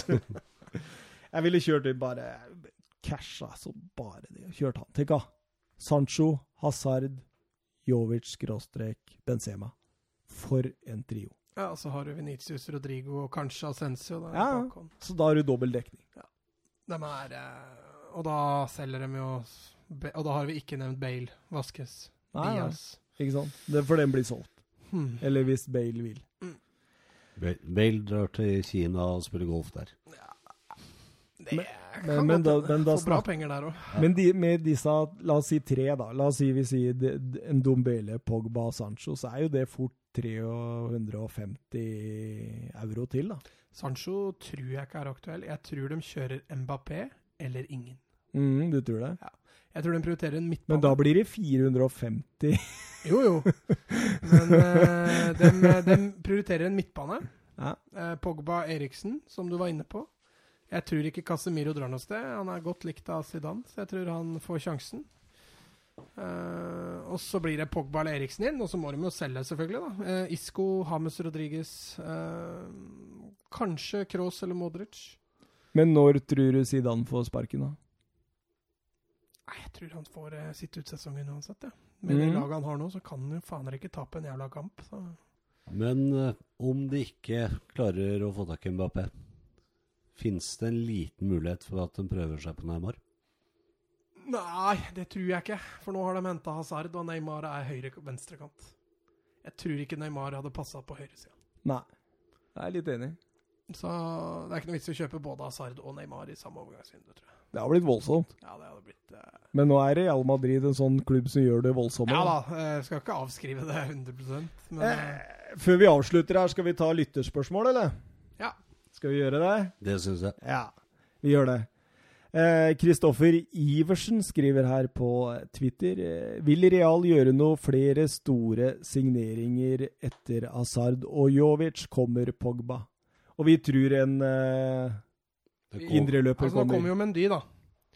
Da Ja, har vi allerede gjort én signering, da. Men eh, ja, jeg tror de gjør en til. Ja. Eh, Pogba, Maks en, Eriksen. eller? Minimum én. Det er, det er aldri noe maks med Real. Nei, det er faktisk ikke det. Er Men, som, i, eh, så den sommeren her er virkelig hvor Real Madrid skal slå Ja. seg løs. Det er et såret dyr som uh... Ja, den sesongen de har hatt i år, har vært eh, katastrofe for dem. Så da sier vi til Kristoffer at uh, Pogba kommer. Eh, Tja. Eller Eriksen? Nei. Jeg sier Jeg at ikke noe Eriksen i den duren der, i eh, Ja. det nivået på en spiller, uh, uavhengig av posisjon, kommer det til å komme Jeg tipper to To kanskje store tre. til. Ja. Men, men Eriksen var ganske kryptisk når han var intervjua i dansk Ja, eh, men det er klart, han veit jo det at Real Madrid er interessert. Han har vært sju år i Spurs. Nye utfordringer. Du ikke- du kan du er ikke bare avfeie det. Nei, men du er ikke helt sikker på at han blir i Tottenham? Nei, jo. Nei, jeg er ikke det. Jeg er ikke det. Men eh, i så fall så tror jeg det er liksom et veiskille som er ganske naturlig, liksom. Jeg tror ikke det er noen Tottenham Jeg har ikke sett ett forum på Tottenham som handler, omhandler Tottenham, hvor folk er misfornøyd med at om han hadde gått til Real for en god sum, da. Men du skal ikke se bort ifra at uh, kommentaren preger noe uh, bærer noe preg av skuffelse fra et tap i Champions League-finalen også. Ja da, det kan godt hende. Uh, pluss at hvis Tottenham selger der, så får de jo fort 120 Ja, ikke sant, det er det. Og da har jo Tottenham allerede casha inn halvparten av lånet på den nye stadion. Så. Ja, så bruker de tre millioner eh, På til Jack pund- på, på å kjøpe en spiller. Men uh, Porcetino han er jo fantastisk på å hente spillere i system, og så jeg tror han hadde dratt opp noe ålreit fra hatten der. Altså. Så jeg tror, tror, jeg tror Tottenham-fansen generelt er så tillitsfulle til Porcetino og Danny Levy at uh, det er liksom ikke noe sånn Om Eriksen går, OK. Det, er liksom, det hadde vært verre om det hadde vært Harry Kane, liksom, hvis du skjønner. Men der tror jeg også at uh, Real Madrid har no noe å lære. De er veldig glad i å kjøpe stjerner. Galacticos. Kanskje de bør uh, se litt på roller. Ja, det er jo dere en prøver sikkert med Venitius og Rodrigo og sånt, da, men, uh, men de kjøper jo større stjerner som hindrer de å få spille igjen. Og du ser jo Ascencio, du ser jo Isco, som har vært talenter i mange år nå. Mm. Det, det er ikke lett å slå seg gjennom av det laget der, vet du. Martin Ødegaard, da? Ja, for eksempel. Men eh, det høres jo ut som Peres har tiltro tiltrådt den, da. Sier at han skal komme tilbake om et par år, han. Han vil ikke selge den. Nytt utlån, da. Tenk, han kunne blitt eh, Christian Eriksens erstatter i Spurs. Tenk uh, Ødegaard under Pochettino. da. Ja. Det, er, det er jo klin lik spilletype, egentlig. Mm. Bare Så- skjærbeint. Ja, Skal bare gi inn eh, to år i Ajax først til å lære. ja. Nei, vi får se. Vi får se. Eh, Jørgen eh, Stix eh, Nystuen spør eh, Tror dere Higuain, aka Stix, blir et stort savn for Chelsea? Blir litt tamt med han skinka fra Frankrike foran der? Eller kan Morata kommer tilbake nå? Foreligger det noe klausul? Og det var jo det vi har vi jo egentlig svart på. Ja, altså En eventuell klausul har ikke vært veldig offentlig kjent, i hvert fall, så jeg tror ikke Morata kommer tilbake igjen. Jeg tror den hadde kommet ut for lenge siden Ja, hvis det hadde vært Mm, Jeg eh, tror også det. Eh, Så da gjelder- blir det skinka fra Frankrike og eh, Ja, Det største, Abraham. savn, største savnet med Higuain er vel lokalbutikken, som taper mye salg på Stix der. Det er en del eh, Det blir mye mer rom i feltet, da. Ja, Higuain, eh, Higuain blir nok ikke noe voldsomt tap i Chelsea, tror jeg. Nei, det tror ikke jeg heller.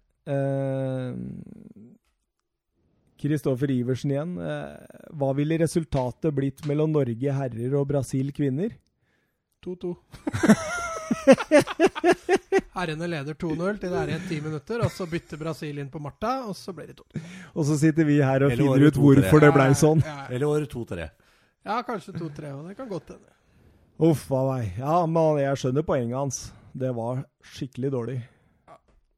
Og Brasilsk kvinner er ikke, er ikke til å kimse av dem. Jeg trener gutter 16 på Strømmen, og de, eh, de eh, sitter og ler litt av kvinnefotballen. Prøver å fortelle dem at de ah, jentene der er den. Ja. De jentene der hadde pissa på dere. Så det, jæklig. det tror de ikke på. Det tror de ikke på. Og Caroline Graham Hansen hadde snurra de gutta rundt i en telefonkiosk. eh. Ja, det, det, det tror nok jeg òg. Men jeg, jeg, vet du hva? Jeg spilte jo en treningskamp uh, i min tid uh, mot eh, en sånn sammensatt lag fra damelandslaget før de dro til et VM et eller annet gang når vi var gutter 15. Eh, vi vant ganske bra mot dem da, men det var jo da på midten av 90-tallet, tror jeg. Så det har utvikla seg en del siden den tid. Spørs, spørsmålet blir vel litt tilnærmingen eh, til kampen. Og lar dem Vil man latt Brasil eh, la kula gå? Eh, fysikken eh, kommer de nok aldri i nærheten på. Nei, det er vel det fysiske som eventuelt ville blitt utslagsgivende der. Men jeg tror vi har forstått uh, tanken bak spørsmålet til Iversen her. Det er vel ikke et seriøst Vebjørn Fredheim, snakk gjerne om de nye Real Madrid har hentet. Hvem blir suksess, og hvem av dem flopper? Ok, Skal vi finne fra den lista, da? Skal vi ta suksess, flopp, og så tar vi alle tre? ja, Jeg tror den som er størst sannsynlighet for å floppe, er eh, Jovic. Problemet er at jeg tror ikke de merker det så godt, i og med at de har Benzema i bakgrunnen. Eh, Hazard tror jeg er enig med deg. Jeg tror han kommer til å herje i La Liga. Eh, Ja, han og- får mye mer arbeidsro enn hva han har hatt. eh, Og så møter han Altså, La Liga er jo ikke så fysisk tøft som Nei. Premier League. Så en spiller som Hazard vil blomstre enda mer i La Liga. Eh, men de kjenner jeg ikke så godt til. Eh, Han er god, altså. ja, ja, men jeg tror ikke han flopper heller. Nei, Rodrigo Militao. Ja, det er jo litt uh, annerledes. Rodrigo er jo 18 år, henta inn sikkert Ja. for framtida. Kan godt hende de leier han ut med en gang. Eh, så får vi se. Eh, Militao, eh, som jeg har sagt, han er veldig god offensiv. Jeg tror kanskje han er best som back, Ok. hvor han kan gå mye mer offensivt. Eh, så får han jo da, hvis Ramos og Varan blir, så får han en lang vei fram til å spille stopper, altså. Kunne han vært et alternativ for Casemiro? Ja, det kunne han. Absolutt. Kult. Det vil jeg si.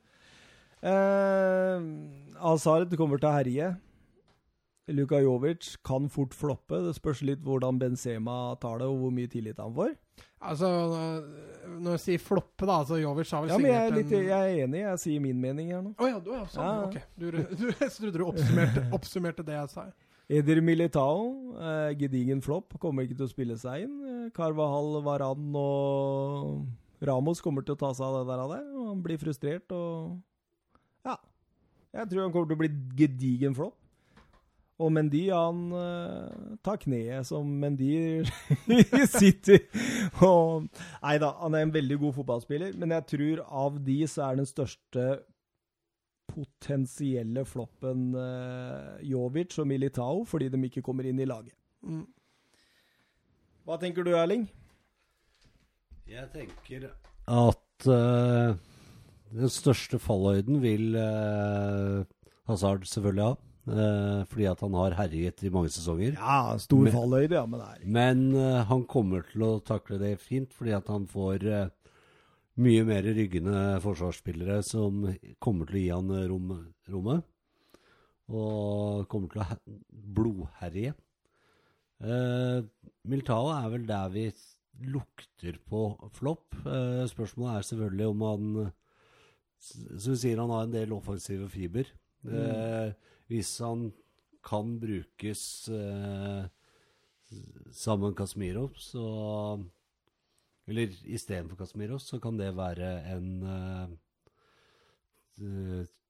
ja, positiv greie, tror jeg. en positiv flopp, da. En positiv flopp. Nei, men en po positiv greie for han, eh, som gjør at han kanskje kan eh, Få en vei i førsteelveren. Ja, eh, fordi at han kommer ikke til å danke ut de gutta bak. Med mindre noen selges eller blir skadet. Han er ikke tiltenkt en sentral eh, Nei, det- Nei, det er mulig. Altså, han er jo såpass bra da, at de kan jo ikke ha tiltenkt at han skal sitte på benken og være Flopp! Husk hvordan type klubb eh, det vi snakker om her. Jo, jo. Eh, Men de kommer nok til å herje, eh, tror jeg. Eh, bra spiller. Han kommer Så, jeg har troa på det. Stakkars Lyon. Nå mister de alt. Samme som Ajax. Kommer. Ja, Fikir, til å ryke Fekir, av. Fikir kan fort bli neste, og Ja. en Dombele. og- Eh, siste er eh, Hobber. Jonathan. Eh, har Norge et gigantisk forsvarsproblem? Vi svarer ja. Norge har et fotballproblem. Bekkene er jo like dårlig offensivt som defensivt. Og Nordtveit, hvor skal jeg begynne? Nei, ikke begynn på Nordtveit mer igjen, sier jeg bare. Skal vi bare si det sånn? Ja, altså Ayer holder mål. Eh, Nordtveit syns jeg holder mål offensivt, men er for dårlig defensivt. Eh, vi har vel allerede snakka nok om Bekka. Men kan vi se på hva fins av stoppere på U21 og U20-laget? Er det noen der som man kunne bygd opp sammen med Ayer? Jeg tror, eh, tror man trenger en litt mer rutinert enn ved siden av Ayer enda. Ja, men det, Han fins ikke, så vi kan ikke lage den. Frode Kippen spiller enda. Ja, Ja, det er, jeg sterkt uenig med deg, faktisk. Dytte Frode Kippe inn istedenfor Nordtveit. Da går dette Det er jo idolet til Ayer, visste du det? Det er fullt mulig. Han sa det. La han spille med idolet sitt og sånn. Vokser opp Nei, jeg bare, jeg bare tuller. Altså, Du har jo Stefan Strandberg, da, men han Ja, sliter jo voldsomt med skader. Han har jo vært rapportert veldig god i Russland uh, siste tida. da. da er vi på Rostedt, da. Ja, det er han, tenker jeg. For han er en god ballspiller og god offensiv dødball. Og er en såpass på en måte liten stjerne at han kunne godtatt og blitt eh, liksom på en måte eiers Bitch. Ja. La oss kalle det det. Ja, for Reginiussen og Hovland er ikke bra nok. Nei, og for gamle, egentlig. Ja, I hvert fall Reginiussen. Ja. Eh, Det er jeg for så vidt enig i. Når det gjelder bekkene, så var jeg, nevnte jeg Svensson i stad. Jeg tror han er hakket hvassere enn Men det er eh, ikke Omar Abdelaue som er det verste problemet der. Nei, det det er jo er eh, venstrebekken. venstrebekken. Og der har du akkurat nå, så er det jo bare Meling som kan true den. Absolutt. Og han er bedre. jeg mener han er bedre. Jeg, jeg skjønner Ja, ikke jeg hvorfor skjønner han ikke hvorfor han ikke får spille. Nei, helt utrolig. Helt utrolig. Og så har du Linnes, da. Men Nei, ikke god nok. Bøtteknott, det òg. Nei, jeg tror vi bare avslutter. Altså, Altså, klokka er jo blitt halv tre. Jeg trodde liksom at vi skulle være klar til sånn halv ett i dag. jeg. Mm. Det ryker så voldsomt. Du har i hvert fall bare to minutter å gå. Jeg har en halvtime å kjøre. Ja, men du har hjemmekontor i morgen, det har ikke jeg. Men eh, det er jo noen artige kamper til helga, da, så vi møtes vel eh, til uka. Vi må jo gjøre det. Vi Det får vel, satse på en eh, episode 11 òg. Du har jo Copa America, begynner jo på lørdag. Brasil, og så har du Argentina Det er Brasil-Bolivia, og så har du Argentina-Colombia på søndag. Det er fine kamper. Det er deilig. Særlig Colombia-Brasil må være ekstremt. Colombia-Argentina. Argentina, mener jeg. Må være ekstrem. Da får jeg, Når jeg hører Colombia og Argentina, så får jeg litt sånn herlige tanker til andre gang jeg var i Buenos Aires. Skulle ta, skulle ta fly eh, Skal du ha den historien på- Ja, ja, ja. Kom igjen, kom igjen. Det går fint. Eh, Kom på flyplassen, skal ta taxi til leiligheten. Og jeg vet at uh, Flyet er litt forsinka, så, så jeg vet at uh, Argentina spilte hjemme mot Colombia. Og han taxisjåføren spør da pent om uh, går det greit at han følger med på matchen. Så jeg bare ja, jeg tenkte skal han vel sette på radioen, da. Så jeg sier ja. Han drar opp en TV som han setter midt på dashbord, oppå dashbordet, og setter på TV-en og begynner å kjøre på da en uh, åttefelts motorvei mens han ser fotball. I 190 òg, da? Nei, det var bare 110-120. Ja, det var det, ja. Det er så deilig når Erling forklarer. Han bruker armer og alt som er. vet du. Det er ingen, det er ingen Mikrofoner og, mikrofoner og alt flyr her, vet du. Vet du, vet du ikke at jeg filmer? Er Bare meg og Thomas som ser det. Det er helt nydelig. Det er fin innlevelse. Det er viktig, det. da. Jeg må hjem og legge meg. Ja, ja, nei, vi tar kvelden. Skal vi si ha det til alle våre lyttere som fortsatt henger med? Ja, alle 120. Ja, du. Oi, oi, oi. Skal vi miste folk? Nei, det må jo være til. var mer ikke enige om at snittet var på 120? Jo, det har jo vært det, men uh, den Ja, siste episoden, episode 9, Ja. den er jo oppe i snart 200 nå. Oi. oi. Ja, god natt til alle 200. God natt til alle 200. Takk for oss.